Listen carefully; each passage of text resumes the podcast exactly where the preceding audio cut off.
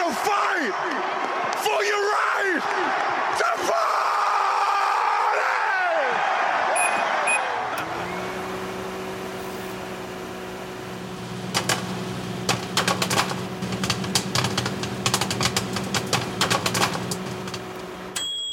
Elming, øh, Travis Kelce, han var rimelig op at køre for et øh, års tid siden, og nu får han så chancen øh, endnu en gang. Ja, og, altså det her det var AFC-finalen, som de vandt, og dermed så kommer de jo tilbage til Super Bowl og får mulighed for at forsvare deres Super Bowl-titel som det første hold siden 2003 og 4 udgaven af New England Patriots. Der havde en vist Tom Brady Exactly. som quarterback, og nu skal de møde ham og Tampa Bay Buccaneers i Super Bowl. Præcis, og vi kommer selvfølgelig til at se frem mod øh, Super Bowl i dag, men den øh, egentlige optagsudsendelse, den laver vi først i øh, næste uge. Du har ørerne i NFL-showet, der er optaget live on tape og er produceret af Kvartrup Media. Denne episode er produceret i samarbejde med Tafel, Charbroil og BookBeat. Og i dag der går vi selvfølgelig de to øh, konferencefinaler igennem. Derudover kan du se frem til lidt nyt på trænerfronten og et øh, par quarterbacks, der måske skal finde en ny klub. Og så skal vi selvfølgelig omkring ugen spiller for Tafel og Charbroil quizzen. Og for at det ikke skal være løgn, så sætter vi også en øh, konkurrence i gang på Facebook, hvor du kan vinde en øh, kæmpe kasse med Thai Cube og andre lækkerier fra Kitchen Joy.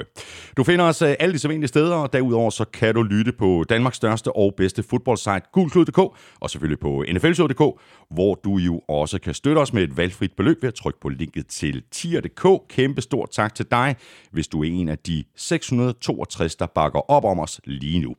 Tusind tak også for de seneste anmeldelser i iTunes, og tak hvis du har været omkring shoppen på nflshowet.dk-shop og handle lidt NFL-showet merchandise. Og tak fordi du downloader og lytter og bruger lidt af din tid sammen med os.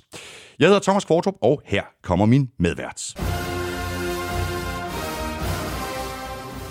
Og det er ved har været et øh, stykke tid siden, at vi har øh, hørt den her, Claus. Og, og der har været øh, rigeligt med, med lejlighed til at spille Chiefs Fight Song.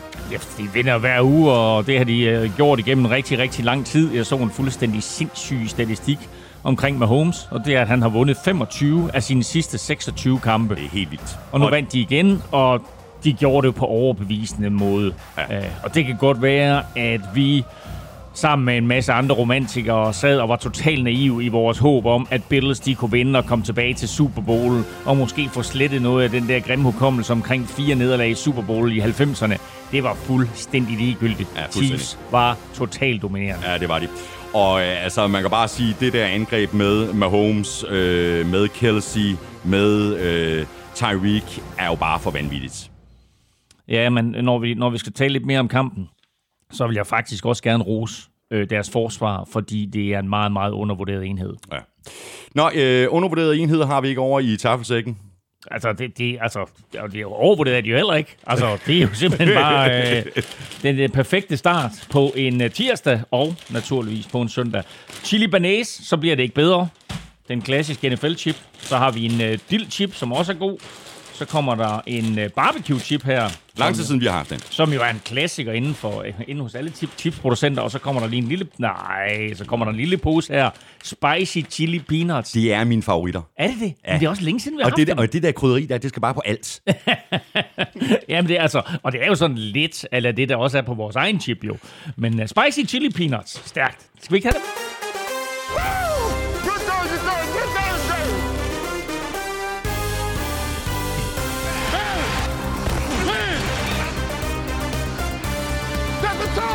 Det bliver den gamle ged mod den nye ged i Super Bowl 55. Brady mod Mahomes, Bucks mod Chiefs. Brady skal spille sin 10. Super Bowl. Denne gang for Buccaneers, der som det første hold nogensinde kommer til at spille den store finale på hjemmebane.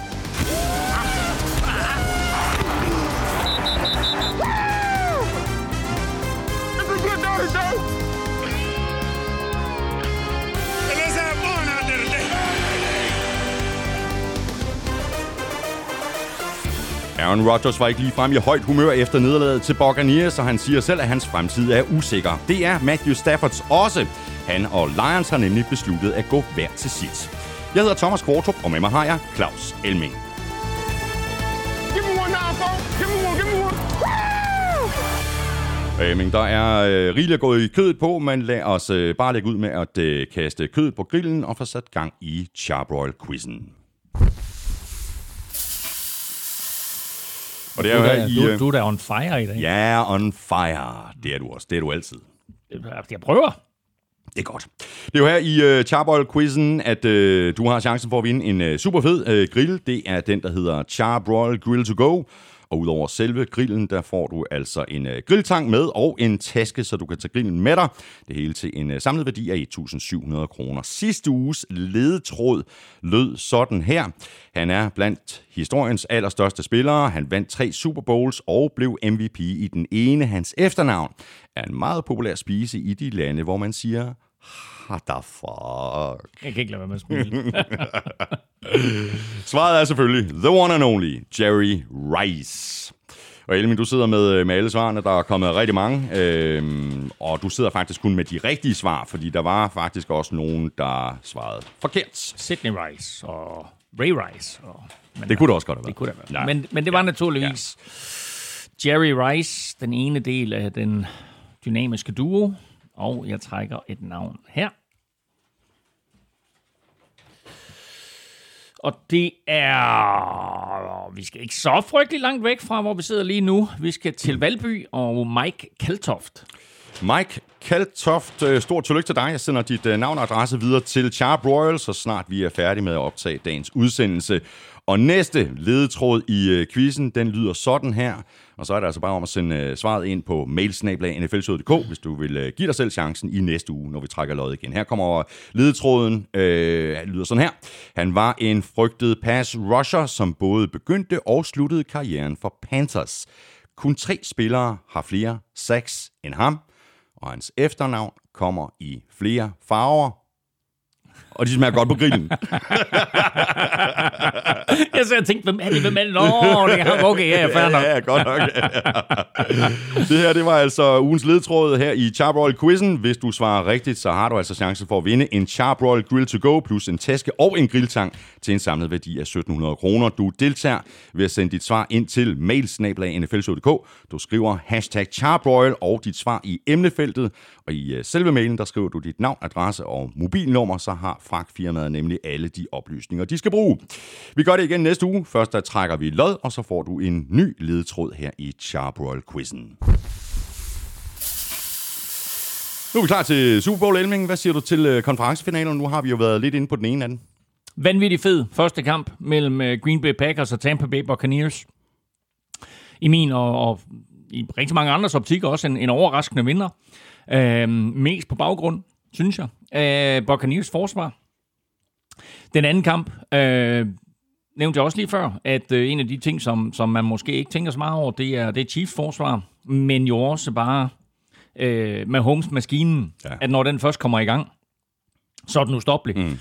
Og det betød også, at, øh, og det kommer vi selvfølgelig også til at tale om, at, at det måske var en fejl af, af Bills ikke at gå efter at score touchdown, når de var i nærheden Ja, af Chiefs ja. mållinje. Mm. Uh, det, blev, øh, det, blev, det blev umuligt for Bills at vinde den kamp, fordi uh, Mahomes og company bare var så effektive, som de var. Og vi ser, øh, som jeg også nævnte indledningsvis, så ser vi selvfølgelig en øh, smule frem mod Super Bowl i den her udsendelse, men den egentlige optagsudsendelse, den laver vi først i, øh, i næste uge. Øh, Buccaneers har hjemmebane. Det er en lille nugget, vi kan tale om nu, fordi det er jo aldrig sket før, at et hold spiller på hjemmebane i Super Bowl. Nej, der har været et par øh, mandskaber, som har spillet Super Bowl, hvad skal vi sige, i nabolaget øh, San Francisco 49ers, spillet øh, i Stanford, som ligger i, i San Francisco-området, Los Angeles Rams, spillede øh, Super Bowl 14 øh, på The Rose Bowl i Anaheim. Altså, det er jo en del af Los Angeles-området, men det var stadigvæk ikke på deres egen hjemmebane. Så Tampa Bay Buccaneers bliver det første hold, der spiller Super Bowl øh, på øh, deres egen hjemmebane, altså Raymond James Stadium. Og det hører også med til, til hele historien omkring, hvor Super Bowl er blevet spillet af de mange, mange år. Der var de her college stadions, de var jo øh, meget mere kendte og meget større øh, end NFL-stadions. Så derfor så brugte man jo i mange år øh, de her college stadions. Men for omkring en 20, 20 år siden, måske lidt mere, der gik man væk fra det og brugte udelukkende NFL-stadions. Og jo også netop fordi det her med, at hvis en, en klub øh, eller en by beslutter sig for at bygge et nyt stadion, jamen så tildeler man dem Super Bowl en to-tre år efter, for ligesom at, at øh, give dem det her økonomiske incitament til at, at bygge et stadion. Så på den baggrund er der blevet bygget et nyt stadion i Minnesota og i Detroit og øh, mange andre steder. Øh, det er ikke det formål, der har været med Tampa. De har spillet Super Bowl. Der en hel del gange. Det ligger i Florida, et meget, meget populært sted at spille Super Bowl. Øh, jeg har blandt andet selv været til øh, en Super Bowl i Tampa. Super Bowl 35 imellem Baltimore Ravens og New York Giants. Ray Lewis Super Bowlen. Nu er Super Bowl tilbage i Tampa. Og det sjove af det hele, det er jo, at da Tom Brady skiftede til Buccaneers helt tilbage i april, der talte vi jo netop om det her. Mm. Nu kan han føre Tampa Bay Buccaneers til en Super Bowl på hjemmebane, og jeg tror, vi nævnte det, og så tænkte vi, ja, ja, right. Ja, ja, ja. Det er en fed historie, og det er en meget sjov gimmick og sådan noget. Mm. Kommer ikke til at ske. Nu er det sket. Ja, præcis. Og det bliver altså øh, Brady mod Mahomes, øh, geden mod øh, den vortende ged, kan man sige. Og det er selvfølgelig en af de overskrifter, der kommer til at dominere optakten til Super Bowl i den øh, kommende halvanden uges tid. Den gamle ged mod den unge ged, det er også den største aldersforskel, der nogensinde har været i en Super Bowl. 18 år og 45 dage er der mellem øh, Brady og Mahomes. Øh, og som jeg nævnte i starten, der Kansas City Chiefs kan blive det første hold, der forsvarer sin uh, Super Bowl-titel siden Super Bowl 38 og 39, som vi jo helt tilfældigt jo var inde på i sidste uge, hvor Patriots besejrede Panthers og Eagles. Øh, og så bliver det også Super Bowl 55. Den første Super Bowl ever mellem de to quarterbacks, der har vundet de to forgangne Super Bowls. Ah, en interessant lille nugget også Brady vandt for to år siden, ja, ja, Mahomes vandt sidste år. Ja. Uh, indspark her fra øh, Kasper Guldhammer, uh, der skriver sådan her. Jeg så min første NFL-kamp den 28. januar 2001 med vandpipe, bumser i fjeset og i 4-3 tv-format. Næsten 20 år siden på datoen. Om to uger skal jeg se en Super Bowl med samme quarterback. Det er simpelthen ikke til at fatte. Nej, det er faktisk ikke til at fatte. Det er det ikke. Og, og altså, vi kan jo nævne den ene fuldstændig vanvittige Tom Brady-statistik efter den anden det faktum, at han lige har spillet i sin 14. konferencefinale øh, ud af de 19 sæsoner, han reelt har spillet. Det faktum, at han nu står i sin 10. Super Bowl ud af de 19 sæsoner, han øh, har spillet. Det vil sige, at han har været i Super Bowl flere år, end han ikke har. Altså, det giver ingen, det giver ingen mening. mening. Og så så jeg lige en sjov statistik også i går, ikke? at øh, Super Bowl selvfølgelig er startet øh, i, i 60'erne, øh, men Tom Brady nu er blevet den første spiller, øh, første quarterback i hvert fald, ej, han må også være næsten være den første spiller, der har spillet Super Bowl i tre forskellige dekader. Øh, så altså, der, der, kan, der er så mange forskellige statistikker på ham, og der kan opfindes så mange forskellige ja, ja. statistikker på ham, så altså, øh, man, der vil være et hav af historier omkring ham de næste 14 dage. Ja. Igen. Ja, igen igen. Jørgen Halgaard skriver, er der født et nyt franchise ved navn Tom Brady Buccaneers? Hvor længe bliver han ved, og hvordan kommer de videre den dag, han stopper? Er det ikke en anelse kortsigtet at vælge en quarterback, som er på alder med Elming? De kunne have gjort det endnu værre, så valgt en quarterback på alder med mig. vi er faktisk begge to ældre end uh, Tom Brady. Men altså, så gamle er vi. Men jeg vil sige nu, det der, altså, om der er opfundet et nyt navn, altså allerede da han skiftede, der kaldte de det jo Tompa. Tampa Bay uh, Buccaneers. Og om det er kortsigtet, jo, gå fanden er det kortsigtet, det er lige meget. Det drejer sig om at vinde, og øh, de var en brik fra at have det perfekte mandskab. Øh, nu er de så en kamp fra at kunne kalde sig Super Bowl-mestre, og det skal nok blive en vanskelig opgave. Men det er jo bare imponerende, øh, at, at de har bygget det her mandskab her, og det eneste, de sådan rigtig mangler, det er lige den der quarterback der, der kan vinde nok kampe for dem i løbet af sæsonen. Og han var ikke den bedste udgave af sig selv i søndags, men trods alt øh, ført, øh, gav dem nok point i, i første halvleg til, at de vandt kampen. Mm. Lars Olsen er øh, inde på lidt af det samme, som øh, Jørgen Halgaard er. Øh, han skriver sådan her, som hårdt prøvet tilhænger af box siden Gruden-tiden, er den nuværende succes under Brady fantastisk, men hvad med fremtiden? Brady bliver ikke yngre, og bør Box ikke allerede i den kommende draft fokusere på at få en mulig fremtidens quarterback på plads, om ikke andet for så at have to draftskud i bøssen henholdsvis i år og næste år? Jo, selvfølgelig. Altså, og øh, det, det er jo en, en, en strategi, som der bliver mere og mere udbredt i NFL. Det er simpelthen at sørge for at drafte mindst én quarterback hvert år, og så kan man se, hvor det fører hen. Altså, prøv at tænke på, på øh, de nu hedengang i Washington Redskins, som draftede både RG3 og Kirk Cousins. Øh, de er så begge to andre steder nu, men det var altså den samme draft, hvor de gik ind og valgte de to i henholdsvis første og fjerde runde. Så er ikke nogen tvivl om, at Buccaneers formodentlig går ind og drafter en quarterback, om det så bliver højt, øh, eller, eller om det bliver tidligt eller sent. Det må vi se til den tid, men altså Tom Brady har... Øh, altså det, jeg vil sige det på hvis Tom Brady vinder, så er jeg lige ved at sige, at chancen for, at han trækker sig tilbage, er større, end hvis ja, han bliver. Ja, bestemt da. Træk sig Eller ud hvis på han taber, ikke? Jo, jo, præcis. Så nu, nu beviste jeg, at jeg, jeg kunne vinde uden Belichick, jeg kunne vinde uden for Patriots Præcis. organisation. Det tog mig et øh, skud ja. i bøssen. Ja. Nu rider jeg øh, Men, øh, afsted men- men- i, sol, i solnedgangen sammen med Giselle. Ja, men jeg tror, men, men på den anden side, så tror jeg også, at han elsker at spille så meget, at, øh, han, han tager et over mere, og så længe han fysisk er i stand til det. Øh, jeg synes ikke, at, at han på, på samme måde går i forfald som mange af de andre quarterbacks, selvom han selvfølgelig ikke er, er den quarterback, vi så for 10 år siden. Men, øh, men lad os nu se, hvad, hvad, hvad der sker om 14 dage. Det, det kommer til at afgøre meget. Ja. Spørgsmål her fra Jens Møller. Hvem mener I er den bedste quarterback i historien? Brady er den mest vindende, men har altid haft gode forsvar, våben og trænere og dommerne. Brady var for eksempel ikke den bedste quarterback i kampen mod Packers. Burde individuelle stats ikke fremhæves mere? Personligt mener jeg, at Manning er den rigtige ged. Nå, det der. Det kan du godt stoppe. Det er da en lille ged. Nej, det kan du godt stoppe, det der. Det, det, holder, jeg- det holder jeg simpelthen ikke til. Jeg undskylder. Jeg undskylder til alle jer, der lytter med. Thomas, han har sådan en iPad, hvor han kan lægge en masse lyde ind på. Og det gør jeg så. Åh, oh, nå. øh, jamen, øh, individuelle stats, som de burde fremhæves. Jamen, altså, individuelle stats. Han har spillet i 10 Super Bowl. Han, han skal spille i sin 10. Super Bowl. Han har vundet 6. Ikke? Altså, er det ikke en individuel stat, der er værd at tage med? Øh, Tom Brady, hvis vi kigger sådan overordnet set på quarterbacks, øh, så er han i hvert fald den mest vindende.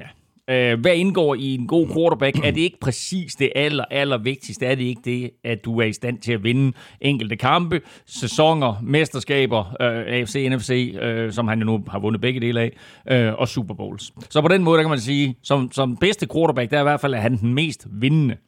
Øh, den bedste arm, jeg, Vi er, vi er i gang med en top 5 nu, ikke? Jeg ved ikke, hvad vi er i En gang helt med. klassisk NFL top 5, Nej. fordi der er, flere end, der, der er flere end fem navne på den her liste, ikke? Det, det ved jeg ikke. Jeg har bare, sådan, jeg har bare valgt nogle ting ud, du ved, som, mm. som, som jeg vil fremhæve som aspekter ved, ved, ved, ved quarterbacks. Ikke? Den bedste arm, Dan Marino. Øh, den bedste løbende quarterback, øh, Randall Cunningham eller Michael Vick måske. Den klogeste, Peyton Manning. Mest uforudsigelig, Brett Favre. ja, det var han. øh, bedste fysik, Aaron Rodgers. Øh, skal vi tage en gammel held med ind, så Johnny Unitas. Mm. Og så den første ged, Montana! Joe Montana. Ja, sådan der. Det var en ægte NFL så top 5, det her. Var der ikke? Ja, der var en 6, 7, 6, 7, 8 8, navne? 8 Ja, stykker. godt. Ved du hvad, øh, lad os bare lige øh, zoome lidt ind på øh, en af de øh, quarterbacks, som du lige nævnte her. En af de bedste quarterbacks i historien, nemlig Aaron Rodgers. Han var ikke sådan øh, specielt glad efter nederlaget til øh, Buccaneers. Her er lidt af det, han sagde på øh, pressemødet. there's a lot of unknowns going into this off season now, and they're just I'm going to have to take some time away for sure and and clear my head and just kind of see what's going on with everything. But it's uh, it's pretty tough right now, especially thinking about the guys that may or may not be here next year. There's always change. That's the only constant in this business it's really tough to get to this point. Really, really tough. Ja, og at sige, at han var nede, det er jo, altså, det er over tids underdrivelse. Det er det. Du kunne se det allerede, da han hilste på Mahomes, inden, eller på, hvad hedder det, Tom Brady inde øh, midt på banen der, at øh, der lyste skuffelsen ud af øjnene på ham, og det er der ikke noget at sige til. De spiller NFC-finale for første gang i hans karriere på hjemmebane, og, øh, og de taber til øh, Tampa Bay i en kamp, som, øh, som de sagtens kunne have vundet. Øh, jeg har set en hel del pressekonferencer med Aaron Rodgers i løbet af sæsonen her, og han imponerer mig hver gang. Han har en ro omkring sig og en ærlighed omkring sig, som øh, udstråler lederskab og udstråler også, at han har et, et hav af ord på banen. Og her, der er han også meget, og man kan også høre den langsomlighed, han taler med. Han er meget velovervejet mm. i alt, hvad han siger. Og han kommer faktisk også med et par sviner undervejs, øh, som er sådan ganske underforstået til den måde, kampen skred frem på, de valgte at blive taget fra trænerstabens side, etc. Og så ligger der også i det her, øh, et, trækker jeg mig tilbage. To, skal jeg et andet sted hen? Er det, er det, er det tid til nu, at Jordan Love han overtager? Er jeg ude i et scenarie, der hedder, hey, uh, Tom Brady tog et andet sted hen og står i Super Bowl nu. Vil jeg også et andet sted hen og vise, at det er sådan, at jeg er langt, langt større end, end det mandskab, jeg spiller på? Øhm, og, øh, og, og, og tre, så øh, tror jeg bare, der ligger en, en, en masse overvejelser omkring hele den her måde, som, øh, som, som, som kampen udviklede sig på, og som, øh, som, som hans karriere måske har været, og så videre. Um, og, der... og, og det er selvfølgelig ikke lige øh, præcis efter sådan et øh, nederlag, at man træffer Nej. en eller anden kæmpe stor beslutning. Så øh, det er også derfor, han siger, nu, nu, må, jeg lige, øh, ja, ja. nu må jeg lige overveje, ja. øh, hvad jeg gør, og hvad der skal ske. Og der er faktisk kommet et par, par spørgsmål om Rodgers og situationen i Green Bay. Første kommer fra Anders Brasholdt Ørbæk. Efter kampen mod Bucks har Rodgers været ude at sige, at fremtiden i Green Bay er usikker for flere af Packers-spillere, ham selv inkluderet. Jeg har selv virkelig svært ved at se Green Bay skille sig af med ham, særligt på bagkant af den fremragende sæson, han har haft. Hvad skal man lægge i udtalelserne fra Rodgers? Og øh, indspark her fra Mathias Victor. Lafleur håber, at Rodgers spiller næste sæson hos Packers. Gør han det? Jamen, det kan vi ikke svare på. Jeg tror det. Jeg, jeg kunne ikke forestille mig andet, end at han spiller for Packers. Øhm, hvis de trader en quarterback, så bliver det Jordan Love. Så bliver det ikke Aaron Rodgers. Men på den anden side, prøv at høre. Altså, Aaron Rodgers var jo selv i den her situation, da han blev draftet. Han sad tre år bag ved Brett Favre. Altså, NFL har udviklet sig i en anden retning og så videre, men hvorfor skulle Jordan Love ikke kunne gøre det? Altså for, fordi det, der har været så vildt med Packers, det er, at de er gået fra den ene franchise quarterback i Brett Favre til den anden franchise quarterback i Aaron Rodgers. Alle andre klubber, de leder jo efter det der. Det lykkedes jo sådan set, lykkedes jo sådan set også for Indianapolis Colts at gå fra Manning til, til Andrew Luck, og så bliver han skadet og, og, og trækker sig ret hurtigt. Øh, men hvis Jordan Love virkelig er den der quarterback der, som de tror på, han er, siden de traded op i første runde for at draft ham, skal han så ikke bare sidde på bænken der i tre år, og så komme ind og overtage, når Rodgers mm. så endelig er færdig? Mm. Rodgers har lige leveret på MVP-niveau i den her sæson, og lurer mig, om han ikke om 14 dage, altså ikke om søndagen, men om lørdagen, når der er de her uh, online NFL Awards, om han så ikke bliver, bliver kåret til år til MVP. Mm. Og derfor tror jeg også, at, at øh, der er gået et lys op for rigtig, rigtig mange, som måske havde afskrevet ham, og som måske var klar til at sige, at Aaron Rodgers er færdig. Øhm, inklusiv måske endda head coach Matt LaFleur, som jo sådan næ- ikke helt tårvedet, men alligevel med sådan et, et, et ret øh, sørgeligt øh, blik i øjnene sad og, og gennemgik, hvad der var foregået i, i kampen her, og også sagde, Aaron Rodgers is our leader. Mm.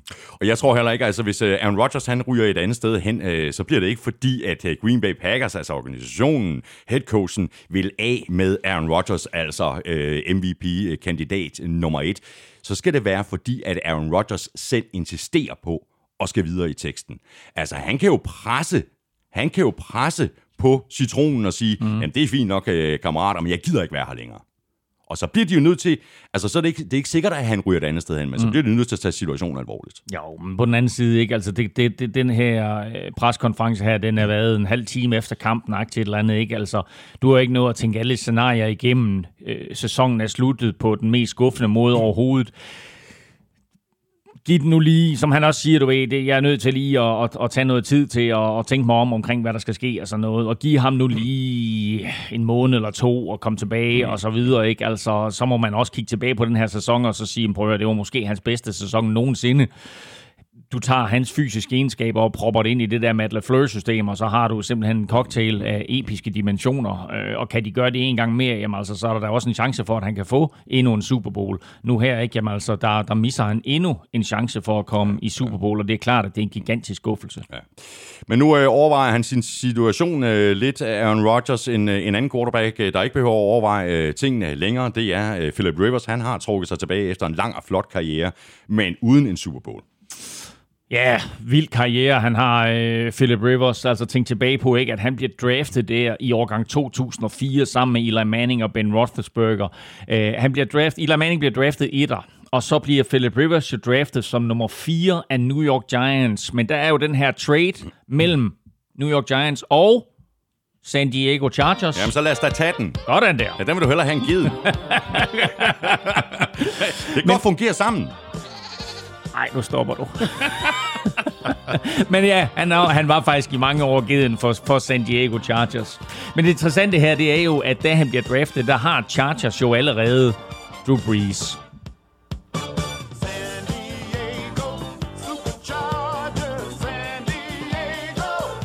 Chargers. Det er det nemlig.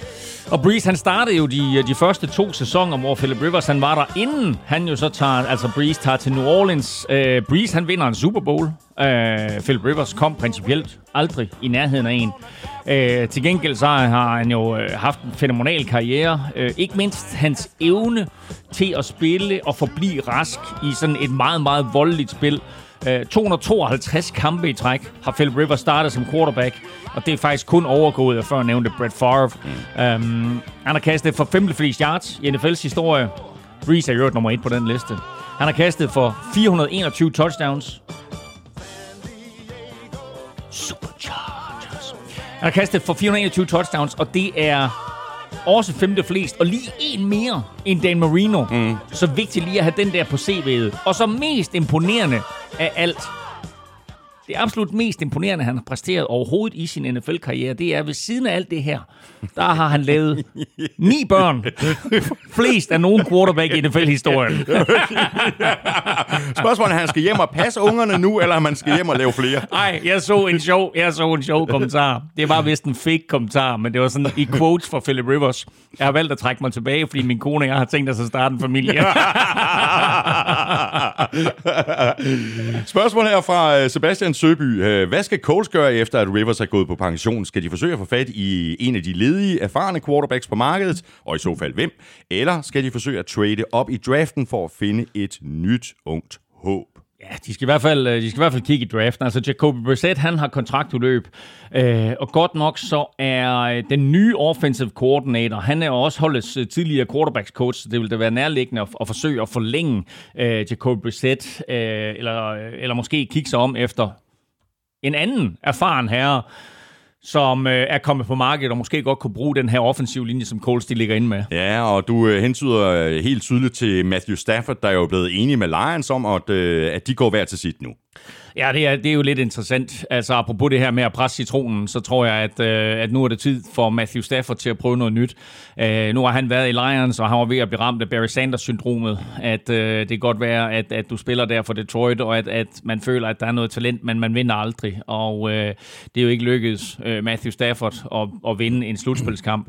Så øh, hvis han nu kunne overtage for Philip Rivers, komme ned til det der Coles-mandskab, som jo har alting på plads, mm. undtagen quarterback-positionen, og hvor vi så, hvor stor succes Philip Rivers han havde i år. Jeg kunne godt se Matthew Stafford få rigtig, rigtig meget succes i en sen alder på det der Coles-mandskab. Ja. Og Coles, øh, de øh, er jo i, i virkeligheden øh, godt i gang med at starte forfra, fordi de har også hyret en ny head coach. Det er Dan Campbell. Jeg har et lille klip liggende fra mm. Dan Campbells pressemøde, og det synes jeg, at vi skal lægge øre til. So this team's going to be built on, uh, we're going to kick you in the teeth. All right. And, and when you punch us back, we're going to smile at you. And when you knock us down, we're going to get up. And on the way up, we're going to bite a kneecap off. All right. And we're going to stand up. And then it's going to take two more shots to knock us down. All right. And on the way up, we're going to take your other kneecap and we're going to get up. And then it's going to take three shots to get us down. And when we do, we're going to take another hunk out of you. Before, before long, we're going to be the last one standing. Alright, that's going to be the mentality. Ja, og det første Elming, som jeg øh, kom i tanke om, da jeg hørte den her bid af det her pressemøde, det var det her. Come, Patsy! Oh, oh, I see. Running away, bastard! Come back here and take what's coming to you! I'll bite your legs off! Åh, oh, det er Monty Python og de, og de skøre ridder. Holy Grail, den klassiske scene med The Black Knight.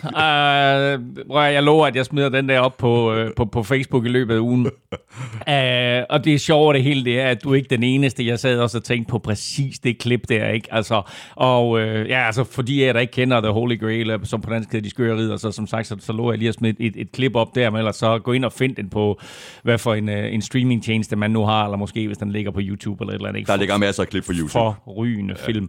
Uh, og det sindssyge, det er jo, at lige så grotesk som den Monty Python-film er, lige så grotesk er den her Dan Campbell pressekonference for at tale sig selv fuldstændig op i hjørnet. Det eneste, han egentlig vil sige, det er, vi skal være hårdere. Ja. Ikke? Ja. Uh, jeg så ham i Og han sagde selvfølgelig masser af andre ting, ja, Ja, og også mere fornuftige Ja, ja. ting på den her, på, Ja, på ja. den her preskonference. Ja, ja. Men det er bare lidt det her klip, der kommer til at stå tilbage, og jeg har det sådan Ja. lidt så, okay, du kan lyde som en atomfysiker i en time efter Ja. det klip der, ikke? Det hjælper ikke rigtig noget. Nej, men han, han blev så interviewet dagen efter på NFL Network, og, øh, og der sagde han, ja, han kunne egentlig godt høre, at, at, at, at det, han sagde også, det lød også lidt mere brutalt, end det egentlig var meningen. Men, Nå, det øh, synes jeg alligevel. Ja, men altså, øh, prøv at høre. Jeg tror faktisk, de har fået en okay træner øh, i Dan Campbell. Øh, meget, meget vældigt fyr, som øh, jo har noget head coach erfaring og øh, har stået øh, i lære hos Sean Payton i fem år nu, og er tidligere Detroit Lions-spiller, så, så jeg tror, de har fundet deres, deres rigtige mand. Øh, det, man kan sige, det er, øh, hvis nu Dan Campbell han viser sig, og har lært alt, hvad Sean Payton han ligger inde med, og har sine egne idéer ovenpå og så videre, jamen så kan det godt være, at vi lige pludselig får et, et rigtig slagkraftigt Detroit-mandskab at se, som ikke kun bider dig i knæskalleren, men faktisk også vinder fodboldkampe. Men ellers så, så har jeg det sådan lidt, at når man ser de her trænere, som Detroit Lions, de finder og ansætter, så virker det altid som om det er anden rangs. Og det tror jeg har noget at gøre med Detroit som by og som sted. Hvis en træner står og har et valg mellem, hvor han skal hen, så tror jeg simpelthen, at Detroit, jeg er lige ved at sige, at det er det sted af de 30 NFL-byer, der er på nuværende tidspunkt, som man helst ikke vil til. Og derfor så tror jeg faktisk, at de ofte har sidste valg. Mm, ja. Jeg ved ikke, øh, hvor Eagles øh, de står hen i den der kø der, når, når de skal vælge head coaches, eller når øh, kommende head coaches de skal vælge hold. Men øh, Eagles har i hvert fald hyret Colts nu, tidligere offensiv koordinator Nick Sirianni, som ny head coach, og så må vi se, om han og Carson Wentz kan få det til at fungere. Ja, i hvert fald spændende, at det er sådan, at Nick Sirianni han kommer ind øh, og skal lege lidt med, med Carson Wentz og måske bringe nogle af de ting tilbage, som, øh, som, som gjorde Carson Wentz god i sin tid. Øh, og vi skal jo ikke så lang tid tilbage for, for at han var god, mm. så vi skal have fundet tilbage til noget af det der. Men altså, ja, Philadelphia Eagles har også fundet deres head coach. Et lidt overraskende valg, valg med øh, Nick Sirianni. Jeg ved, at de var interesseret i Buffalo Bills øh, head, eller offensive coordinator Brian Dable til at gøre ham til, øh, til head coach, men øh, der var Bills altså, altså angiveligt inde og sige øh, til Philadelphia, at desværre, det får I sgu ikke lov til. Så det lader til, at Brian Dable, han, øh, han bliver i Buffalo, og det er selvfølgelig en aftale øh, mellem Buffalo og Brian Dable, at de synes, at det samarbejde, der foregår, det er så godt, så han bliver der. Så mangler vi bare uh, Texans, der stadig mangler at finde en uh, head coach. Uh, Finn Lindstrøm uh, skriver til os, hvem er de mulige kandidater til Texans head coach job? Er god gamle Marvin Lewis en mulighed? Han har vundet i regular season, skriver uh, Finn så uh, i parentes tidligere, men han har ikke arbejdet i en så dysfunktionel organisation, som Texans har. Desuden er Watson not happy.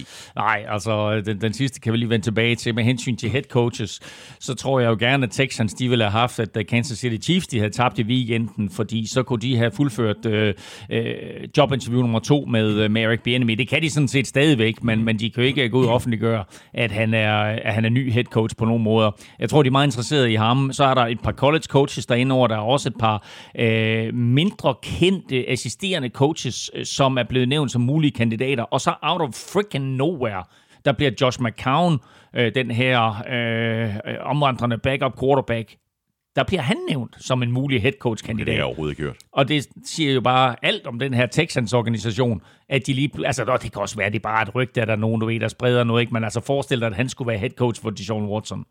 Um, øh. Og Deshaun Watson er, er, er, er utilfreds, og der er nævnt nogle forskellige klubber, som er i spil der, blandt andet af New York Jets. Mm. Der er et spørgsmål Øh, her fra ja. øh, Thomas W. Ja. Lauritsen. Som Jets-fan læser jeg trade-rygterne omkring Watson med stor iver. Mm. Der er forskellige rygter ude, men mit spørgsmål går på, om den tilbudte pris fra eventuelt Jets eller Dolphins kan blive så stor, at Houston skal tage imod byttet og bygge op igen. Eller er det, uanset pris, håbløst overhovedet at overveje at trade Watson, for det er jo lige præcis en franchise quarterback, alle hold forsøger at drafte. Et, så er det fint nok, hvad du nu kan få ind af draft picks og så videre. Øh, lad os sige, at han kommer minimum til at koste to første runde draft picks øh, plus det løse. Men han skrev jo en gigantisk kontrakt med Texans inden sæsonen. Og meget af den løn hænger Texans stadigvæk på, øh, i, i form af hans signing bonus og så videre, og, og ting, der bliver ført over på lønloftet. Så de kan rent fysisk. Øh, jeg kan ikke se, at de kan sende ham videre. Det kan være, at der kan laves en eller anden konstruktion, mm. hvor det er sådan, at, at, at, at den, den klub, han kommer til, også kommer til at overtage noget af den økonomiske byrde. Det er jo set før. Men jeg, jeg kan simpelthen ikke, ja, men ikke i den her øh, konstellation. Øh, jeg, jeg kan simpelthen ikke, jeg sagde det også i sidste uge, jeg ser ikke øh, hverken Carson Wentz Jared Goff eller Deshaun Watson nogen andre steder, og jeg ser heller ikke Aaron Rodgers nogen andre steder, så jeg tror, at de der fire, de bliver, hvor de er. Mm. En, der ikke er blevet, øh, hvor han er, det er Dwayne Haskins, øh, hey! der jo røg på, øh, på borden. øh, Washington Redskins, øh, tidligere første rundevalg, øh, Dwayne Haskins, øh, ham har Steelers så valgt at tage en, øh, en chance på, at de har skrevet en, øh, en etårig kontrakt med ham. Ja, så øh, han gik fra øh, WFT til øh, WTF, øh, fordi øh, Steelers, de sagde altså, nej, lad os da se, hvad han kan, ham der, Dwayne Haskins der. Jeg ser ham ikke som aftageren for øh, Big Ben. Øh, men altså, det er da klart, at han skulle have en chance et eller andet andet sted i NFL, og nu bliver det altså Steelers, der hæver ham ind. Vi skal have quizzen! Åh. Oh. Det er tid til quiz, quiz, quiz, quiz, quiz. Og Claus Elming, quizzerne, Ja. de bliver jo præsenteret i samarbejde med TyCube. Dit game day måltid. Ja, og det er måske her, vi lige skal hejse flaget for, at øh, vi sætter en, øh, en lille konkurrence i gang på, altså, øh, på Facebook. Når du, når du lytter til NFL-showet i dag, så er der en lille Super Bowl-konkurrence i gang, hvor du kan vinde. Og jeg tør godt sige, at det er ikke bare dit Game Day-måltid, det er dit Super Bowl Game Day-måltid. Fordi det er en kasse med mere eller mindre alt, hvad, hvad de tilbyder fra TyCube. Uh, En, en vanvittig stor kasse. Ja. Så det prøv at Med høre. NFL-showet er blevet NFL-gameshowet, for, eller, fordi det, du, du kan vinde en masse ting her. Så nej, det er fedt. Så gå ind og tjek, øh, og i øvrigt øh, gå ind og tjek Facebook og se, hvordan du deltager der. Godt, øh, så skal vi have quizzerne. Vi skal have quizzerne, og øh, jeg kan jo øh, jeg kan sige til dig, du, du kan godt gå i gang med at skrive op. Ja, Nå, alt er, øhm, som det plejer være. Ja, fordi øh, apropos det her med at drafte quarterbacks og så videre, øh, der har vi jo talt om ofte, hvor vigtigt det er at finde den rigtige quarterback i, i draften, hvad enten det er tidligt eller sent at vinde Super Bowl. Men i de fleste tilfælde, så skal man faktisk gå efter at finde en af de her første runde quarterbacks.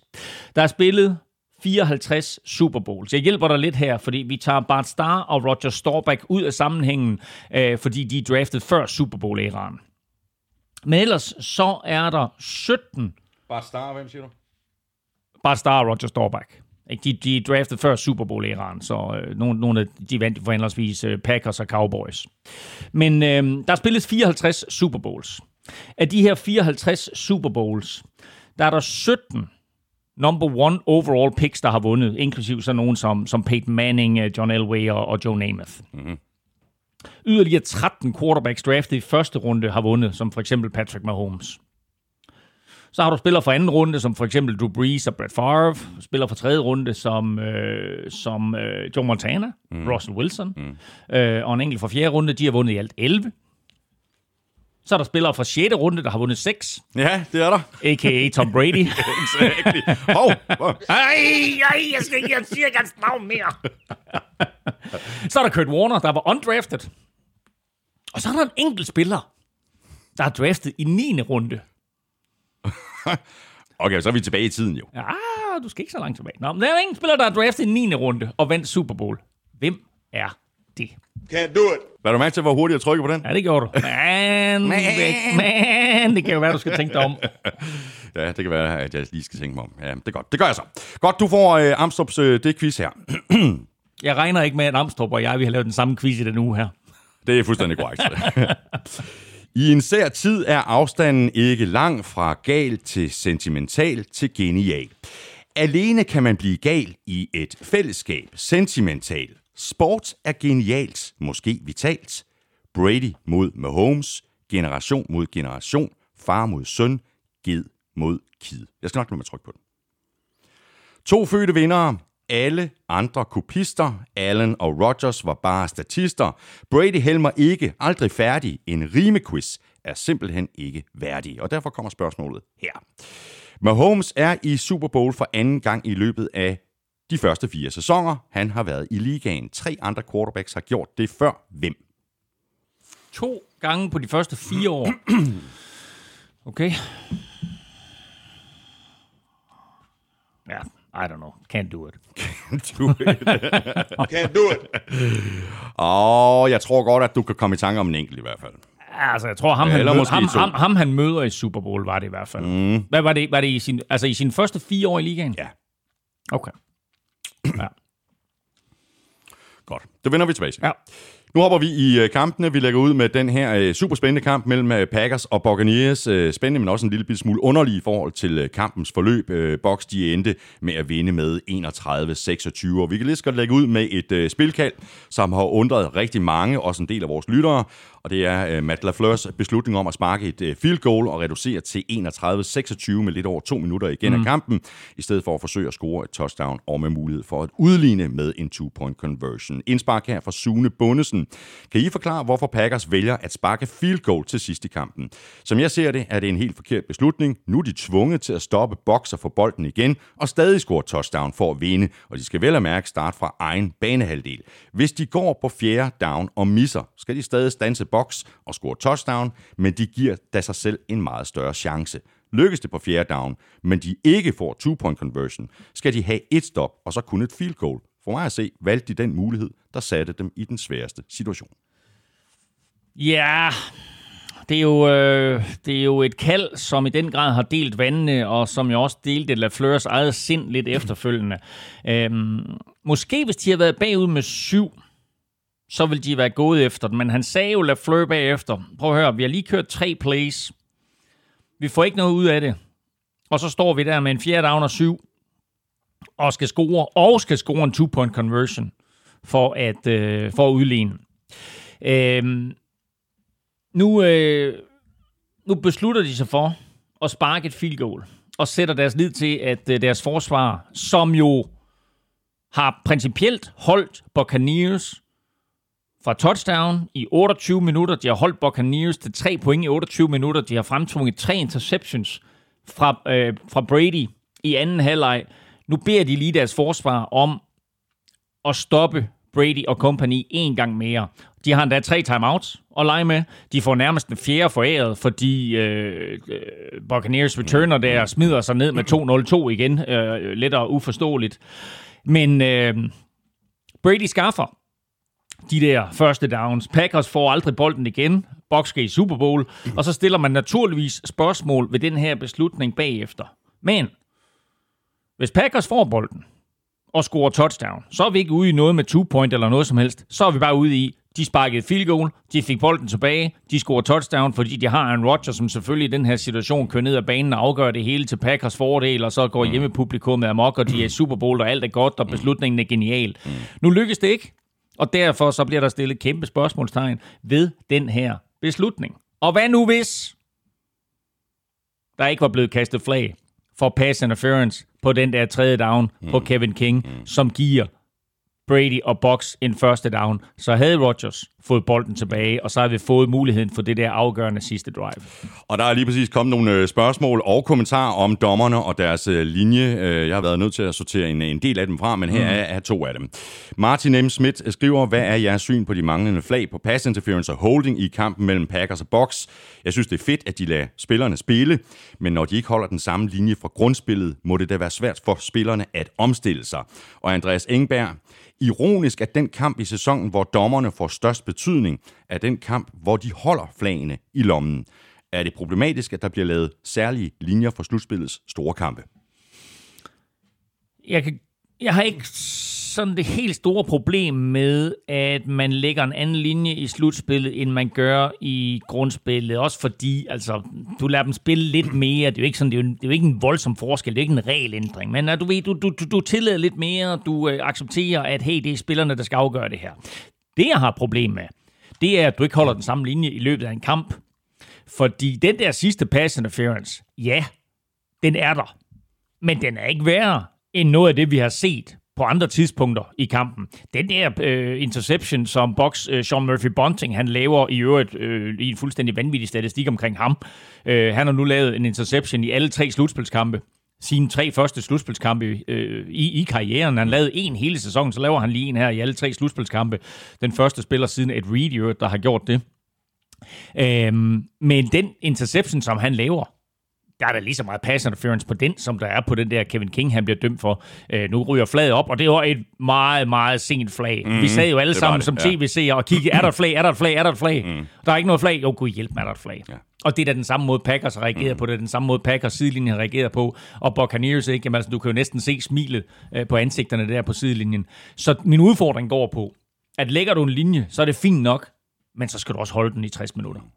Og nu har vi rundet et par situationer her, som øh, altså blev øh, kampafgørende. Øh, den her pass interference og Matt LaFleurs øh, beslutning om at sparke et øh, field goal. Men lad os lige prøve at, at spole lidt tilbage og, og, og se på kampen i sin helhed, fordi Box de fik jo opbygget en, en stor føring på, øh, på baggrund af sådan en 3-4 store spil, blandt andet et, mm. et rigtig godt touchdown-løb af Leonard Fournette. Jamen altså, bror, de får nærmest ingenting på løb hele kampen. Packers har super godt fat i, i både Leonard Fournette og Ronald Jones. Og så out of nowhere, så laver han det der løb, hvor han jo først bryder et par taklinger, og så laver et spin move, der ikke burde kunne lade sig gøre, når man vejer 105 kilo. Og, og så gør han det kunne hjælpe med endnu en gang ned på mållinjen, øh, og, og scorer et øh, super lækkert, og også på det her tidspunkt jo mega vigtigt touchdown, fordi det kommer lige efter, at Packers er kommet tilbage i kampen, og Rodgers har fyret langt touchdown drive af, så laver han det her play, øh, Leonard Fournette. Øh, super vigtigt, og altså bare helt igennem spektakulær touchdown. Så øh, Buccaneers simpelthen ikke øh, mere klar ud for kampen start, end, end Packers gjorde? Nej, det synes jeg ikke, man kan sige. Altså begge hold har jo kigget øh, kampen igennem fra da de mødtes i, i spil uge 6, og så har de fundet ud af, hvad de skal fokusere på, og, og, og hvilke ting de skal ændre i forhold til den kamp, og så har jeg også tænkt igennem, hvad modstanderne ser på den film, og hvad de har tænkt sig at ændre. Så det er jo det der skakspil, øh, der, der foregår inden kampen overhovedet går i gang. Øhm, og det tager bare lidt tid for Packers, synes jeg lige, at, at, at finde ud af helt præcis, hvad det er, de skal, hvad, hvad, hvad, de, hvad de skal køre på, og hvad det er, øh, de skal fokusere på på angrebet og forsvaret. Og da de så finder ud af det, så synes jeg jo egentlig, at, at de spiller fint. Øh, Buccaneers får en hurtigere start, men jeg synes jo ikke, at Packers ikke var klar til kampen. Brady, han var øh, klar. Han spillede en rigtig god øh, første halvleg, synes jeg. Og igen, så ved han, øh, hvornår man skal slå til. Øh, det er rutinen, det er vindermentaliteten. Øh, touchdownet til Scotty Miller lige før mm, pausen ja. er vel i virkeligheden et meget godt eksempel på det. Øh, og i øvrigt øh, så så øh, cornerback øh, Kevin King måske ikke su- super godt ud i den situation. Mm, nej. Og Kevin King må aldrig, aldrig, aldrig, aldrig tillade, at en spiller kommer bag, fra, øh, bag sig. Øh, altså, de kan jo, Packers kan jo tillade her, øh, at, at, at Buccaneers, de completer en bold på 5 yard linjen eller 10 yard linjen og så bare takler manden, og så er, er første halvleg overstået. Men du må aldrig nogensinde som defensive back tillade, at en spiller øh, med den fart også, som Scotty Miller har, kommer op på siden af dig, og så bare blæser forbi dig. Øh, bare hold afstand. Hold øje med quarterbacken, øh, men bliv aldrig brændt. Altså, det er jo en af de øh, mest basale ting, der er for, for en cornerback safety overhovedet. Øh, altid dybere end den dybeste mand. Altså, det er en læresætning, som alle, der bare har spillet 5 øh, sekunders defensiv fodbold, øh, kender til. Men faktisk synes jeg jo, at det er lidt vildt, at den eneste grund til, at Brady overhovedet får chancen for at kaste den her bold, det er jo, at på playet inden, der har Packers safety Will Redmond en sikker interception i hænderne. Men det virker som om, at han bliver lidt bange for det store skrald, og lige trækker hænderne mm. lidt til sig. Og så laver han ikke den der interception. Bradys første store fejl i kampen i øvrigt. I stedet for, tredje down, eller i stedet for første down til Packers, så bliver det fjerde down og tre med 6-7 sekunder igen. Og bum, Brady til Scotty Miller, touchdown, 21-10 ved pausen. Gigantisk, Gigantisk spil. Uh, Nikolaj Madsen skriver til os, uh, sidste spil af første halvleg, altså det spil, som vi lige har siddet og talt mm. om, med 6 sekunder tilbage, dækker Packers op i man i stedet for zone. Har der fuck utilgivelig fejl, der i mine osteøjne kostede Green Bay en Super Bowl. Jeg må indrømme, jeg har ikke tjekket, om det var mand eller zone. Jeg kan ikke forestille mig, at det er mand. Øhm, fordi hvis det er mand, så laver de jo fuldstændig samme fejl, som øh, Jets gjorde mod Raiders. Mm, mm. Jeg tror, det er det, man kalder quarters-opdækning. Sådan, så de har fire mand dybt på tværs. Men det betyder selvfølgelig, at kommer der en mand ind i din zone, så, så bliver det jo lidt omstillet øh, til mand til mand. Øh, men jeg forestiller mig bare, at de fire, altså man ligesom kan dele banen ind i, i, i fire øh, kvadrater der nederst, og, og der har Kevin King så ansvaret for øh, fra, fra angrebets side, øh, det, det, det dybeste venstre hjørne. Øh, og det er klart, at Scotty Miller han kommer derind, så bliver det en slags mand, men altså øh, derfor skal han jo stadigvæk bare ned i det der hjørne der, og så bare stå og vente på den, og så bare slå bolden væk, i stedet for at Scotty Miller får lov til at blæse forbi ham. Ja. Kæmpe spil, øh, der gik øh, boksvej der, og anden halvleg øh, startede jo også med at gå boksvej, fordi umiddelbart efter pausen, der fumblede Aaron Jones.